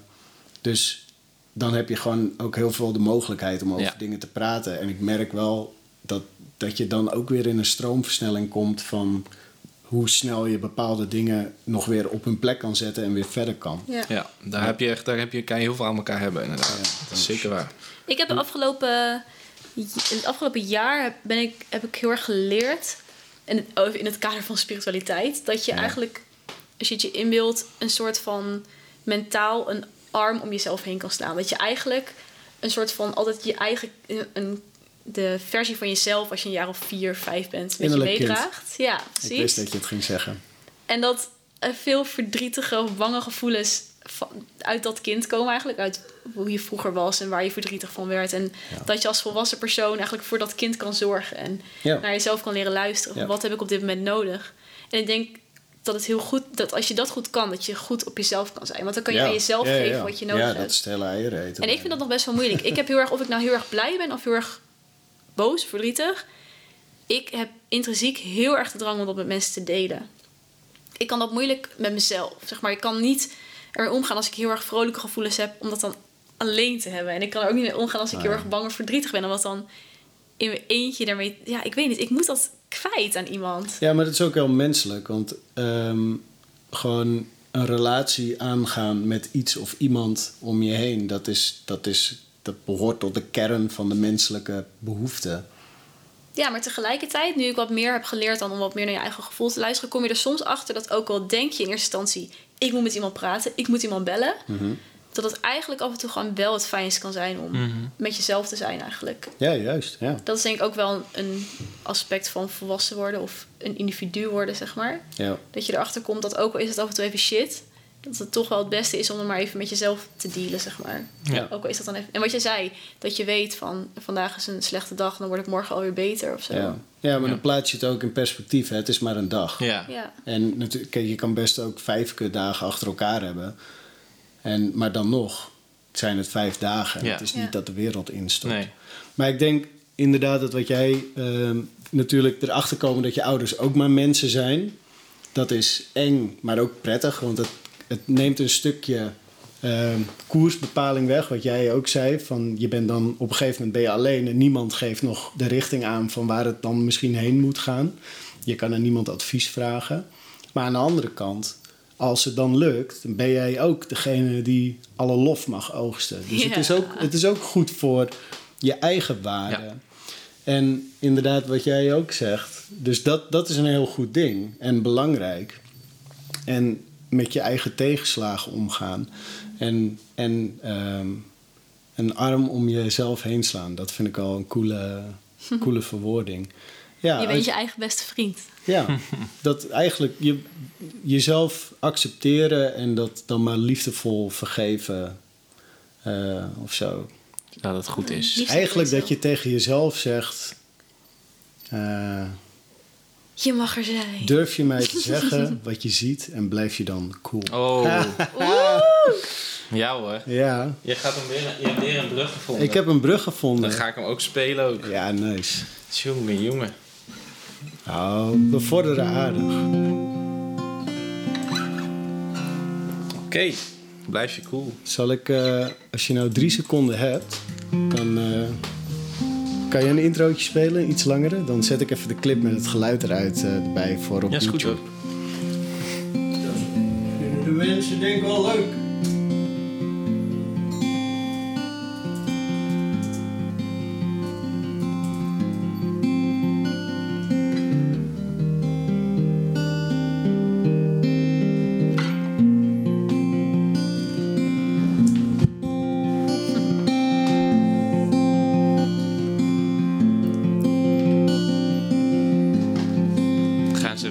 Zien bewegen terwijl het... eh, Ja, ik geloof er niks van. Ja, dat geeft dat maakt niks. niet uit hè. Weet jij, weet je wel dat ik toen zei Zei dat ik niets anders wou Ik wou dat ik dat vaker zei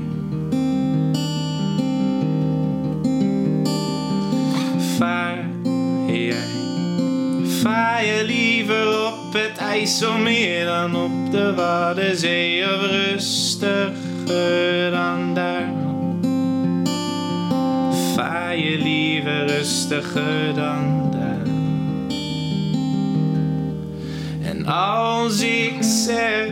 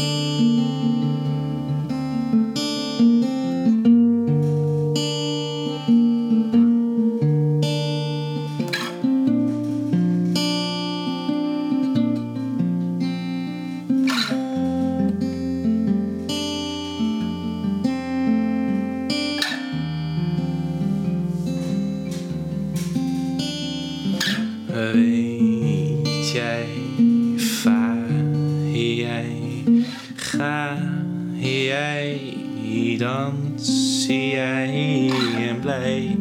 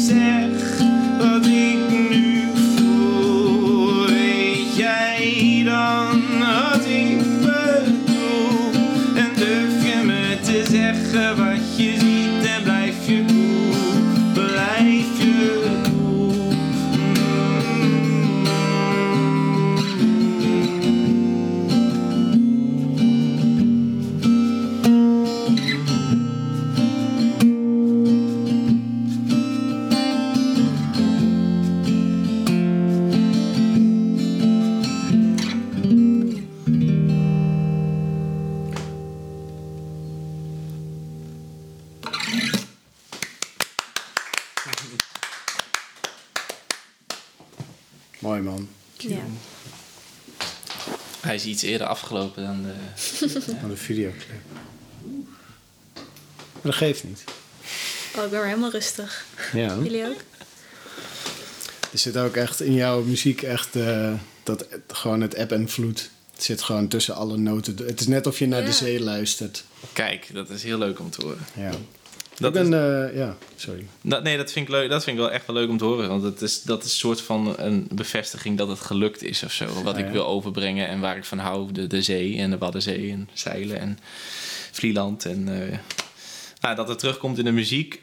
Dat het toch in de muziek zit. Ja, Eh, terwijl dat niet per se, als je dat opnemen bent, is het niet dat we denken van... Goh, met deze intentie wil dat het zo overkomt. Maar het gaat dan zo toch een soort van vanzelf of zo. Ja. Ja. Dat is wel eh, leuk om te horen. ja, ik denk uiteindelijk zit dat gewoon... Het zit in je botten, zeg maar. Ja, Toch? Ja. ja, dat is inderdaad wat ze dan zeggen. Je kan niet... eh, op een gegeven moment gaat je omgeving in jou zitten. Ja. ja. Ja, dat is, ik, vind dat, ik vind het moeilijk om, dat- om, dat, om dat zo, zeg maar... Ik, ik kan me, dat zijn hele mooie woorden, alleen als ik dat, als ik dat zeg maar probeer te, te begrijpen, dan... Dat, dat lukt mij niet. Of zo. Dat ik dan, dat, het is wel zo. Ik ben het, tenminste, ik zou het zeg maar zomaar met je eens zijn als je dat zegt. Dat het echt in je zit. Alleen hoe je dat dan over jezelf zou kunnen zeggen van... Goh, nee, het zit in me. En Ja, dat, dat, is dan heel lastig te zeggen. Of dat je dat dan echt daadwerkelijk voelt. Of dat, dat gaat dus echt een beetje vanzelf. Dus dat, Ja, ja. En het is ook, in, wat je, weet je, het is goed als anderen zeggen dat het zo is. Maar Ja. het is ook altijd raar. Om, het is een beetje Femke Louise om dan zelf te zeggen. ja, ja, het zit gewoon in me. Het zit gewoon helemaal in me. ja, Ja, nee. het laat gewoon, zeker als je gewoon ehm, gevoelig bent voor, weet je, als je observeert en signalen veel, die prikkels gewoon binnenkrijgt. Mhm. Dan op een gegeven moment maakt een omgeving gewoon een, een afdruk op je. Ja. Zo. Het klinkt heel vaag, maar nee, ik begrijp je wel. ja. Ja. Weet je, de, het is een- dan modder onder je schoenen. Heb je dan, of zo, ik weet het ook niet. Mag ik nog een vraag stellen of zijn we al ja, klaar? nee joh. Ga, doe, doe lekker wat je Oké, nou, ik vroeg me dus al... wa- Jij had het in het begin over ehm, Ja. je losmaken van je ouders. Ja. En hoe je je ouders dan anders gaat zien. Ja. En volgens mij zijn we het wel over eens dat we alle drie die ontwikkeling wel een beetje hebben doorgemaakt inmiddels. Het ene Ja. misschien wat meer dan de ander. maar ik vraag me af... Maar jij bent ook de jongste van ons drie. Ja, of ik ben jong. op mij. Vind je dat ik mijn? Je ging Jij hebt nog een hoofd te leren, Ja, maar ik met ging ons er maar vanuit dat jij het was. En toen dacht ik, ja, Misschien bedoel je dat wel. Ja. Als je daar meteen van uitgaat. Nee, Ja. Vind ik jammer. ja, je moet het anderen laten zeggen.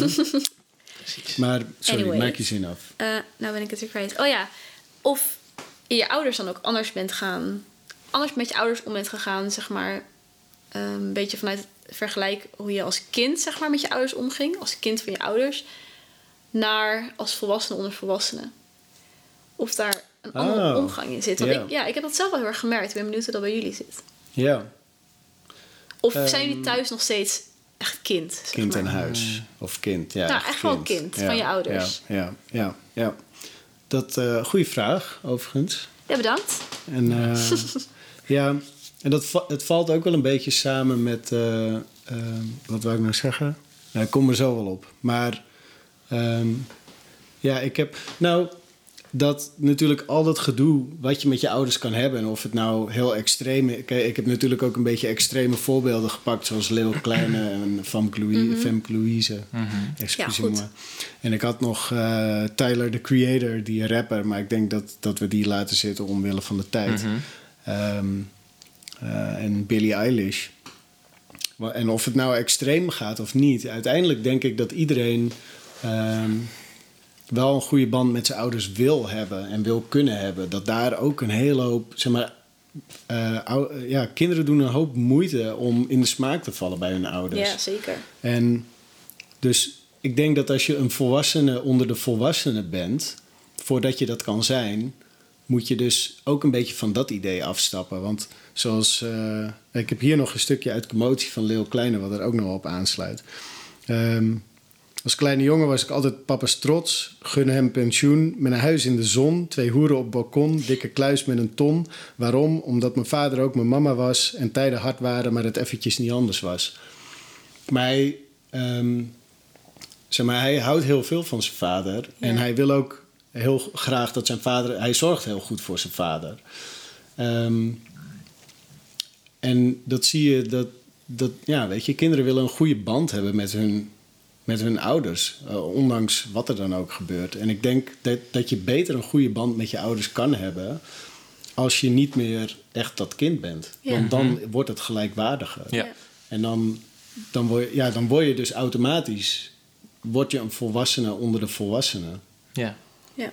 Maar ja, je hoort ouders ook altijd zeggen dat het blijft altijd je kind. Ik wil dat net zeggen, precies Toch? dat. Ja. Want dit, we hebben het nu over hoe wij het, hoe wij het eh, eh, ervaren. Maar de, ik, voor je ouders blijf jij denk ik altijd het kind. kind. Ik denk dat blijft zo. Want je kan wel een hele goede band opbouwen. Dat heb ik ook wel. Ik heb het nu met mijn ouders over allemaal dingen waar ik het natuurlijk. Dat, dat is niet meer. Vroeger waren dat dingen als kind. Je hebt het daar niet met je ouders over per se. Maar nu als mijn moeder ergens mee zit. Dan kan Ja. ik daar ook met haar over praten. Ah, en dan ja, kan ja, ik haar daar ook in mee steunen. Dat ze ook zegt tegen mij. Ja, god, daar heb ik wel veel aan. Ja. Weet je, en als kind, dat, dat doe je niet. Of een kind gaat jou niet, dat doe je niet. Nee, daar, want er- ik kwam op die vraag omdat wij het er natuurlijk ook eerder al over hadden gehad. Dat ik dat zei. Ja. Van, ik merk heel erg dat sinds ik inderdaad... Je bent, blijft altijd een kind van je ouders. En je ouders zullen zich altijd bezorgd om je blijven maken... en om je blijven geven op die manier. Maar door je ook als volwassene onder volwassenen te gedragen... je ouders realiseren zich op een gegeven moment ook... dat jij kennis en ervaringen hebt Ja. die zij niet hebben. Of in Ja. ieder geval... En inderdaad, eh, dat je moeder of je vader dan ineens naar jou toe komt... met dat ze slecht in haar vel zit of dat er iets aan de hand is... Het, kijk, ik had niet van die ouders die dan vroeger onderling Engels met elkaar gingen praten of zo. Weet je, dat heb je ook. Van die ouders die echt heel erg hun kinderen behandelen als... Dit is voor papa en mama. En de- Ja, ja, ja. helemaal nee. niet. Maar Zo heb ik vier talen geleerd. nee, Nee. je kan mij echt alles wijsmaken. Ja. Maar dat is inderdaad wel, in- wel opvallend. Dat je toch merkt dat je ouders je wel meer als een volwassen persoon Ja. gaan zien, zeg Ja. maar. Maar toch ook weer, als, ze, als het erop aankomt op de echte Ja. basis... dan, is het nog, dan ben je nog steeds mama's meisje of Ja. eh, Ja, klopt. jongetje. En gewoon, je bent nog steeds de kind van. Voor je, Ja. voor je moeder of voor je vader. Dat blijft denk ik... Tuurlijk, ze zullen je ook gelijkwaardig met, met kennis zien... En, en hoe jij als persoon bent ontwikkeld. Ja. Ja. Maar dat, dat oergevoel... Ja. Het verzorgen. Net zoals dat, dat, dat wanneer een ouder zijn kind moet, zou moeten begraven, dat dat zo tegennatuurlijk is. Dat het zoiets ergs is. Dat het, Ja. Ja. dat het andersom moet zijn volgens de natuur. Ja. Ja. Nou, in ieder geval volgens de cultuur. Volgens de cultuur. Ja, oké. Dat is dan ook weer. Natuurlijk in de natuur heb je heel veel eh vroegsterfte. Ja, Daarom krijgen heel veel dieren gewoon veel jongen. ja. Maar je ziet wel dat sowieso het rouwen daarom, eh, dat zie je bijvoorbeeld wel bij olifanten en bij primaten en bij, eh, bij eh, nou ja, wat hogere diersoorten dan, zeg maar. Of dolfijnen, orka's. Zo. Ja. Er zijn wel... Die rouwen echt. Ja. Ja, die, en natuurlijk zoals een hond die zijn baasje weg is, dat op de een of andere rudimentaire manier snapt hij wel dat er iets mist. Ja. Dus, maar rouwen is ja, wel echt iets wat denk begint bij cultuur of zo. Ja, dat, dat ja. Ja. Maar rouwen, een kind die rouwt om zijn overleden ouder... of een ouder die rouwt om zijn overleden kind... is, is volgens mij een heel groot... is dat niet een heel groot verschil? Is dat ook cultuur? Dat weet ik niet. Nee. Nee, dat is, dat, daar kan je zo weer een hele podcast over. Ja. maken. ja. In ieder geval denk ik dat het altijd een wisselwerking blijft tussen hoe je, zeg maar, we hebben het gehad over het strijd van je losmaken van je ouders, maar tegelijkertijd, jij bent altijd een kind van je ouders, maar je ouders blijven ook altijd je ouders, zeg maar. Ik heb hem ook niet verteld. Nou, jongens! Iemand moet zijn medicijnen innemen. Ja. Ja. Het is ongelooflijk, jongens. ja. Wie, wie belt er? Je moeder? Zusje. Oh. Nou, stop er ook even in Nou, de podcast. zeg. Misschien is er nog Ja. wel wat leuks te zeggen. Ja, hallo. Ja, hoe heb jij dat ervaren? Ja. We hebben het net anderhalf uur hierover gehad. je- ja. Waarom vraag je dit? Vatten ze in vijf minuten samen. Ja, precies. Ja. Ehm, ja, nee, het is wel grappig dat ik had, zeg maar, van tevoren dacht ik van, we, gaan, we kunnen heel praktisch de insteek maken van, ja, wat moet je nou eigenlijk een beetje doen om je opvoeding te overleven? Maar je merkt toch al dat, grappig genoeg is waar we allemaal met, met best wel veel ehm, positiviteit en liefde over praten, de, de moeilijke tijden en de tegenslagen zijn. Ja. Mhm. Dus ik denk als je dat inderdaad op de een of andere manier onder ogen komt. En of je dan inderdaad. eh, ik denk dat het heel verstandig is ook om af en toe een psycholoog in de arm te nemen. En gewoon, want dan kan je met iemand praten die helemaal buiten jouw context staat. En Ja. die gewoon eigenlijk een hele objectieve kijk geeft. En weer andere inzichten en die dingen. En ik, heb, ik bedoel, ik hou daar ook wel van. Ik ga nu soms nog wel eens gewoon naar een psycholoog. En dan Even lekker nou, niet omdat ik problemen heb, maar dan denk ik van ja, weet je, het is wel. Hoe, zou, hoe denkt een professional hierover, zeg maar? Ja, nou ja, dat. ik was dat gewoon zo diep verstrengeld in dat Ja. met mijn ouders dat ik daar gewoon echt iemand van buitenaf bij nodig had die, ja, die me daarbij hielp, zeg Ja. maar. Maar ik denk wel echt, er is natuurlijk ook een reden dat puberteit al zo oud is als nou geen idee. En ik geloof echt wel in het what doesn't kill you makes you stronger. Ja, jij misschien niet. Wel, ik geloof er wel in. Een reden is dat je die struggle moet doormaken, zeg maar Ja, om. Je moet eerst onderuit gaan, hoe cliché het ook eh, klinkt, om weer hogerop te komen, zeg maar, en dichter bij jezelf te komen. En ja, Ja. De, de tips om je opvoeding te overleven, ik denk dat dat, dat gewoon neerkomt op gewoon een paar keer kaart op je bek gaan eigenlijk. Nou ja, en vrijwillig dan soort, soort het, als je dingen vrijwillig kan doen, dan dat is altijd prettiger. Dus als jij dan zegt, ik kies er nu voor om hiermee aan de slag te gaan, Mhm. ik kan je wel uit ervaring vertellen ehm, dat het gewoon, het is een afspraak die je hebt in de toekomst. Ja. Zeg maar dingen die niet goed zitten in je relatie met je ouders. Ja, en je wil het, weet je, het klinkt heel cru misschien, maar je wil het niet op het sterfbed nog allemaal eens. Nee. eh, Nee. Weet je, dat zie je, Nee. dat als je van die stugge boeren eh, soms spreekt en dat er dan, weet je, dat ik kom dan uit Noord-Holland, nou, die West-Friese, jongen, daar wordt ook, weet je, de emoties, wat zijn dat, weet je wel. Ja, ja, ze precies. praten niet zo, maar ze zeggen dat soort dingen, dat kunnen ze. Ja. En dan, ja, weet je, Het zit toch allemaal een soort... Hebben ze, dat is gewoon een mechanisme eigenlijk, wat ze zichzelf hebben. ja. Nou ja, en dingen gewoon ja, bespreekbaar maken. Ja. Het klinkt heel suf, maar met jezelf inderdaad, met jezelf durven praten over wat er nou eigenlijk met je, weet je, ook dingen die goed gaan. Als je weet waar je blij van wordt, dan kan je ook meer van dat gaan doen. Nou, ik denk, jij hebt het over, zeg maar, een stugge boeren en de plek waar je geboren bent. Maar ik denk dat het ook wel echt Ja. misschien wel een generatiedingetje is. Iets wat met onze generatie steeds meer komt. Dat bijvoorbeeld onze ouders zijn eventueel nog kinderen van nou, mensen die bijvoorbeeld de oorlog heel erg hebben meegemaakt. Ehm, Ja. Dat heb ik bijvoorbeeld heel erg in mijn familie. Dat ik merk dat mijn ouders getekend zijn door het feit dat hun ouders erge dingen hebben meegemaakt en daar nooit over hebben gepraat.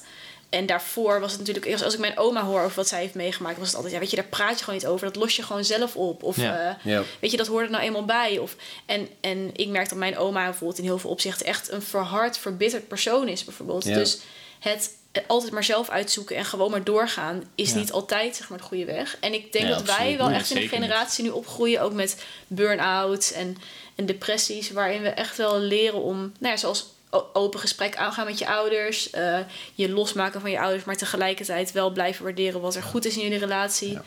Ik denk dat dat ook wel Ja. misschien iets is wat nu, waar nu meer ruimte voor is. Ik las ook Maar- een stuk over, eh, over praatgroepen in, bij de hulpverlening. Dus bij brandweer, politie, eh, iedereen die daarbij werkt. Dat ze, wanneer ze traumatische gevallen meemaken. Vroeger was het inderdaad gewoon van...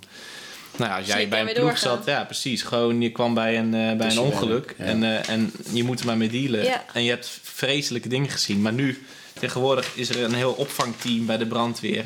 Van, van ook collega's. Dan gaan ze met je zitten, maar dan gaan ze, niet, gaan ze niet over de situatie hebben. Ze gaan eerst koffie geven en gaan gewoon rustig zitten. En we gaan even, daarna even, even lekker chillen. Ja. Want als jij, het schijnt dat wanneer je er meteen weer over gaat hebben, dat het op je harde schijf komt te staan. Dus ze willen eerst, we gaan eerst gewoon Oh, even lekker ja. rustig aan Ja, doen. En dan een uurtje later gaan we het, of een dag later ga jij gewoon vertellen wat jij wil vertellen. Ja. Oh. En dus benaderd, dat, daar is veel meer zorg voor tegenwoordig. Iedereen is veel meer bezig met van, goh, juist gewoon, wat heeft Ja. het persoon nodig? Ja. Het scheelt, verschilt ook erg per persoon. Je kan er niet een protocol voor maken. Je moet het gewoon heel erg... ja, maar dat is toch alleen al het feit dat ik met mijn... Je kan zeggen van nou, lekker, lekker problematisch. Je hebt moeite met loskomen van je ouders. Maar dat werd in de hulpverlening bij mij echt heel serieus genomen. Echt meteen van... Hier ga je later echt last van krijgen. Dus we gaan er nu gewoon bovenop zitten. Alleen al het Ja. feit dat dat zo serieus werd genomen...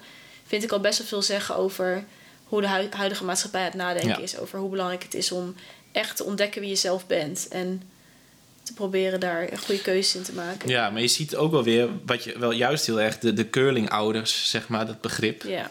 van Wat is tegenwoordig. Eh, Curling-ouders? Nou, de, de, de bezempjes voor een curling. eh, Oh, wauw. Wel een mooie metafoor. Ja, Chill. ja dat, De ik, curling ik, het werd in de, de luizenmoeder werd het gebruikt, die term. Ja. Maar het, kon, het bestond al. Ik weet niet precies waarom, maar onderzoekers ook. Gepopulariseerd door... eh, Ja, in ieder geval gepopulariseerd door de luizenmoeder. Maar iedereen, elke ouder die alle problemen voor de kinderen wegpoetst, zeg Ja. maar. Gewoon Ja. allemaal, als er iets gebeurt met mijn kind, ze staan meteen op de stoep bij de school Ah, ja. en ze gaan meteen klagen en meteen dit. En mijn kind moet zo min mogelijk weerstand hebben. Maar dat, dat, Dat is is ook natuurlijk iets van deze interessant. Dat, is tijd. dat gaat de andere kant inderdaad dat gaat juist weer de andere kant op. Kinderen Ja, die op zaterdag en zondag op bijles zitten terwijl ze op de basisschool zitten. Ja, ja. Maar ook heel erg zo van.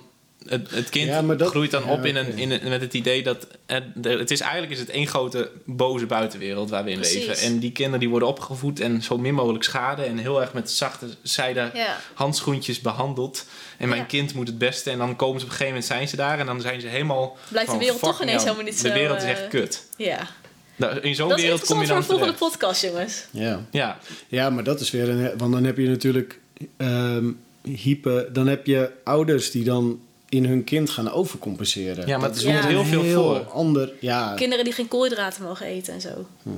komt echt heel veel voor.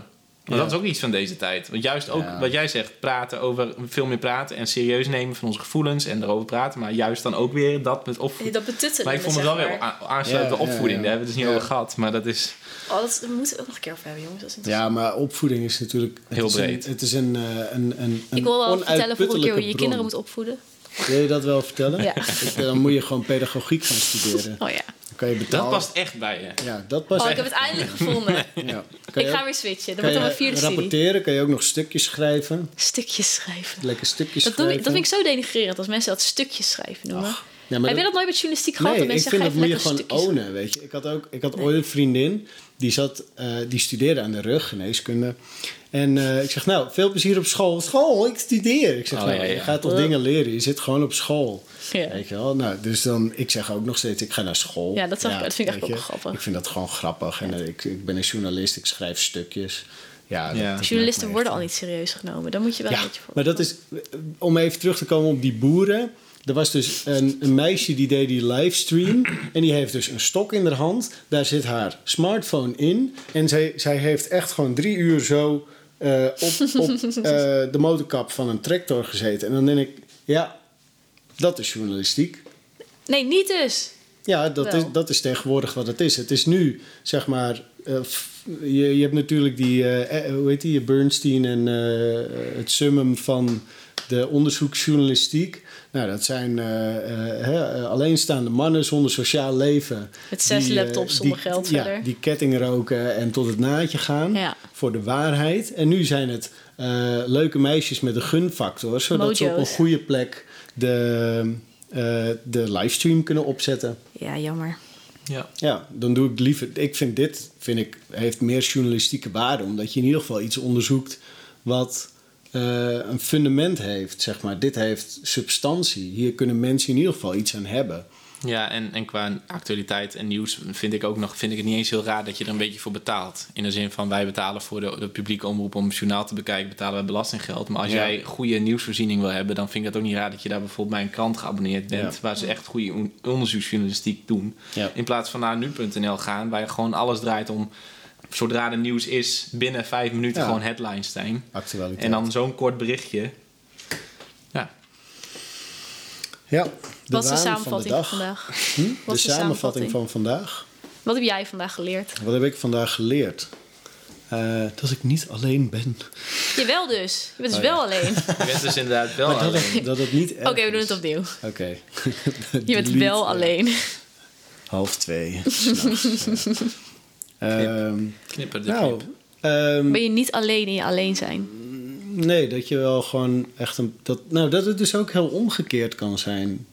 Ehm, zeg maar, ik, ik wilde me echt heel erg ontworstelen. En jij wilde heel erg blijven. Ja. En dat, ik kan me daar gewoon niks bij voorstellen eigenlijk. Nee, ik ook niet achteraf. Ik denk om toch Nee, terug te maar- komen op jouw eer- eerdere vraag op, op waar ik dan zit in het spectrum. Dat zit ik inderdaad denk ik een beetje in het midden van jullie. Ja, Toch wel. ja dan heb, Ja. Ik, heb ik jullie goed zeg Ja. maar, gecombineerd. Maar jij zit nu wel in. Nee. Maar goed, Ja. jij, jij wilde weg en bleef thuis wonen. En ik wilde thuis blijven wonen en ik moest weg. Ja, nou dat heb ik ook nog gehad. Want toen ben ik, nadat ik eh, in dat kraakpand woonde, ben ik inderdaad, eh, heb ik nog weer een tijdje thuis gewoond. En toen heb ik nog een appartement gedeeld met een collega van me. Dat was ook lachen trouwens, maar dat nou, het is weer een heel ander verhaal. en ehm, ja, maar daar heb ik dus ook wel uit geleerd dat als ik echt onder dat juk uit wil... Het klinkt allemaal heel negatief, weet je. Maar het was, nou, het was toen ook wel een gedoe. En ik heb dat... Nu is het gelukkig allemaal goed. Weet je, ik heb een goede band met mijn ouders. Maar toen besefte ik wel van als ik onder die- die juk uit wil komen, dan moet ik gewoon wegwezen. Want, Ja. want ik, maar ik ben dan ook zo makkelijk dat ik het dan ook wel weer. Oh, de koffie is al klaar. Oh, ik kan mee eten. Ja, dus je, precies. je wordt ook wel gewoon een beetje lui ervan. Want Ja. Ja. er wordt toch wel voor je gezorgd. Want je Mhm. blijft een kind, inderdaad. Dat is zeker waar. Ja. Dus voor ieders best wil eh, ben ik hem toen gesmeerd. ja. Nou, zo had ik er nog niet over nagedacht. Toen nog wat geleerd. Carlijn, Wat ik heb geleerd. wat heb jij geleerd? Mag ik hierop terugkomen? Daar moet eerst. Ja, fuck. Ja. Je mag het ook laten. We kunnen ook gewoon, als jij nog een liedje wil spelen en verder niks Ja, ik vond het juist wel een mooie einde zo, eh, Ja. dat geleerd. Ja, Blijf- eigenlijk wel, hè? ja, vind ik goed. Ja, ik hink een beetje op twee gedachten. Straks na, gewoon eentje voor toetje toe. Ja, ja, oké. Ja. Nee, eh, ja, wat heb ik geleerd? Ehm, nou, toch wel een soort weer van dat, dat het echt eh, heel erg persoonlijk is. Het is allemaal heel persoonlijk. Ieder, het is bij iedereen toch ook weer anders. Ja. En dat, dat merk je als je in zo'n gesprek zit met elkaar. Dat je dan iedereen heeft andere. Iedereen heeft een ander verhaal. Iedereen gaat er ook anders mee om. Iedereen heeft andere omstandigheden. En dat, dat moet je dan ook wel weer beseffen, denk ik. Ja. Met zulke onderwerpen waar we het nu dan over hebben, waar het juist heel leuk is om over te hebben, want zo krijg je een gesprek. Ja. Maar dat je toch dan ook weer beseft hoe het bij iedereen anders is. ja. Maar dat maakt misschien ook wel dat je dan bepaalde dingen weer meer waardeert Ja. je eigen opvoeding. Zo. of, of jaloers. ja, kan dat ook. kan ook. Ja. Maar ja, wat, maar je, ja, moet je dan wel het gesprek erover aangaan? Ja, dat denk ik wel. ja. Zeker. Dus als je ooit nog eens in een Albertus huis woont en je hebt een paar leuke huisgenoten, heb vooral eens een eh, ouderavond zonder ouders. Ja. Dus gewoon trek een fles wijn open en eh, vertel eens hoe het bij jou thuis was. En misschien kom je nog wat bijzonders aan de weet waar je weer een heel eind mee vooruit kan. Zet de microfoon neer, je hebt een leuke podcast. Ja, Toch? Precies. Precies. Dit was een praatje. Dan dit komt was er nu een praatje. liedje. Nee, die doen we zo direct. Ah. We gaan eh, gewoon afsluiten. Eh Carlijn, Ja. heel erg bedankt voor je, sowieso het aandragen van dit onderwerp, soort van. En dat je er was. Ik vond het heel cool. eh, Ja, ik vond het ook leuk. ja, leuk. Kletsen. En bedankt voor, eh, voor het delen van, eh, van je verhalen over je opvoeding en je inzichten daarover. En dat Famke Louise is Femke Louise is. Oh ja, ja, dat heb jij ook geleerd Ja, dat vandaag. is wel echt iets wat ik geleerd En ik ben heb. blij dat ik Oh dat de wereld in heb Dat je geholpen. eigenlijk moeten zeggen, dit heb ik geleerd. Ja, ik meen me te herinneren dat iemand me er al eens eerder op gewezen heeft. Dat was ik ook waarschijnlijk. Ja, of Vera. Ik denk, ik denk dat het Vera was. Daan, ook heel erg bedankt Graag gedaan. voor je, Wederom. voor je bijdrage. Ik denk dat je ook een heel goed voorbeeld hebt gegeven voor, eh, voor de mensen die nog moeten komen. Over, eh, ja, je hebt wel echt een dubbele bijdrage. Gewoon met en de muziek en inhoudelijk als gast. Dat is heel cool. Ik vind dat eh, alleen maar leuk. We hebben Ja. vorige keer ook gezegd. Ja. En ik luister ook graag podcasts. Dus ik vind, Ja, ja, ja. ik vind lekker lullen vind ik ook gewoon hartstikke leuk. Ja, precies. Ja. Ja, cool. Ja, dan wil ik volgende keer ook wel een mondharmonica meenemen hoor. Dan wordt gewoon één grote... Dat mag Je mag gewoon aan maar dan moet je ook een muziekje Ja. maken. ja. Cool. Oké. Ehm, lieve jongens en meisjes, genderneutrale. Dit was Medicijn op maandag weer. Eh, uur en drie kwartier. Ik hoop dat je lekker hebt zitten luisteren. En ehm, dat we ondanks alles niet eh, te zwaar in de materie zijn gaan zitten. Maar eh, ik, ik vond het zelf gezellig. En ik wens je nog een fijne nacht of ochtend of middag, wat je ook gaat doen. En geniet ervan. Tot later.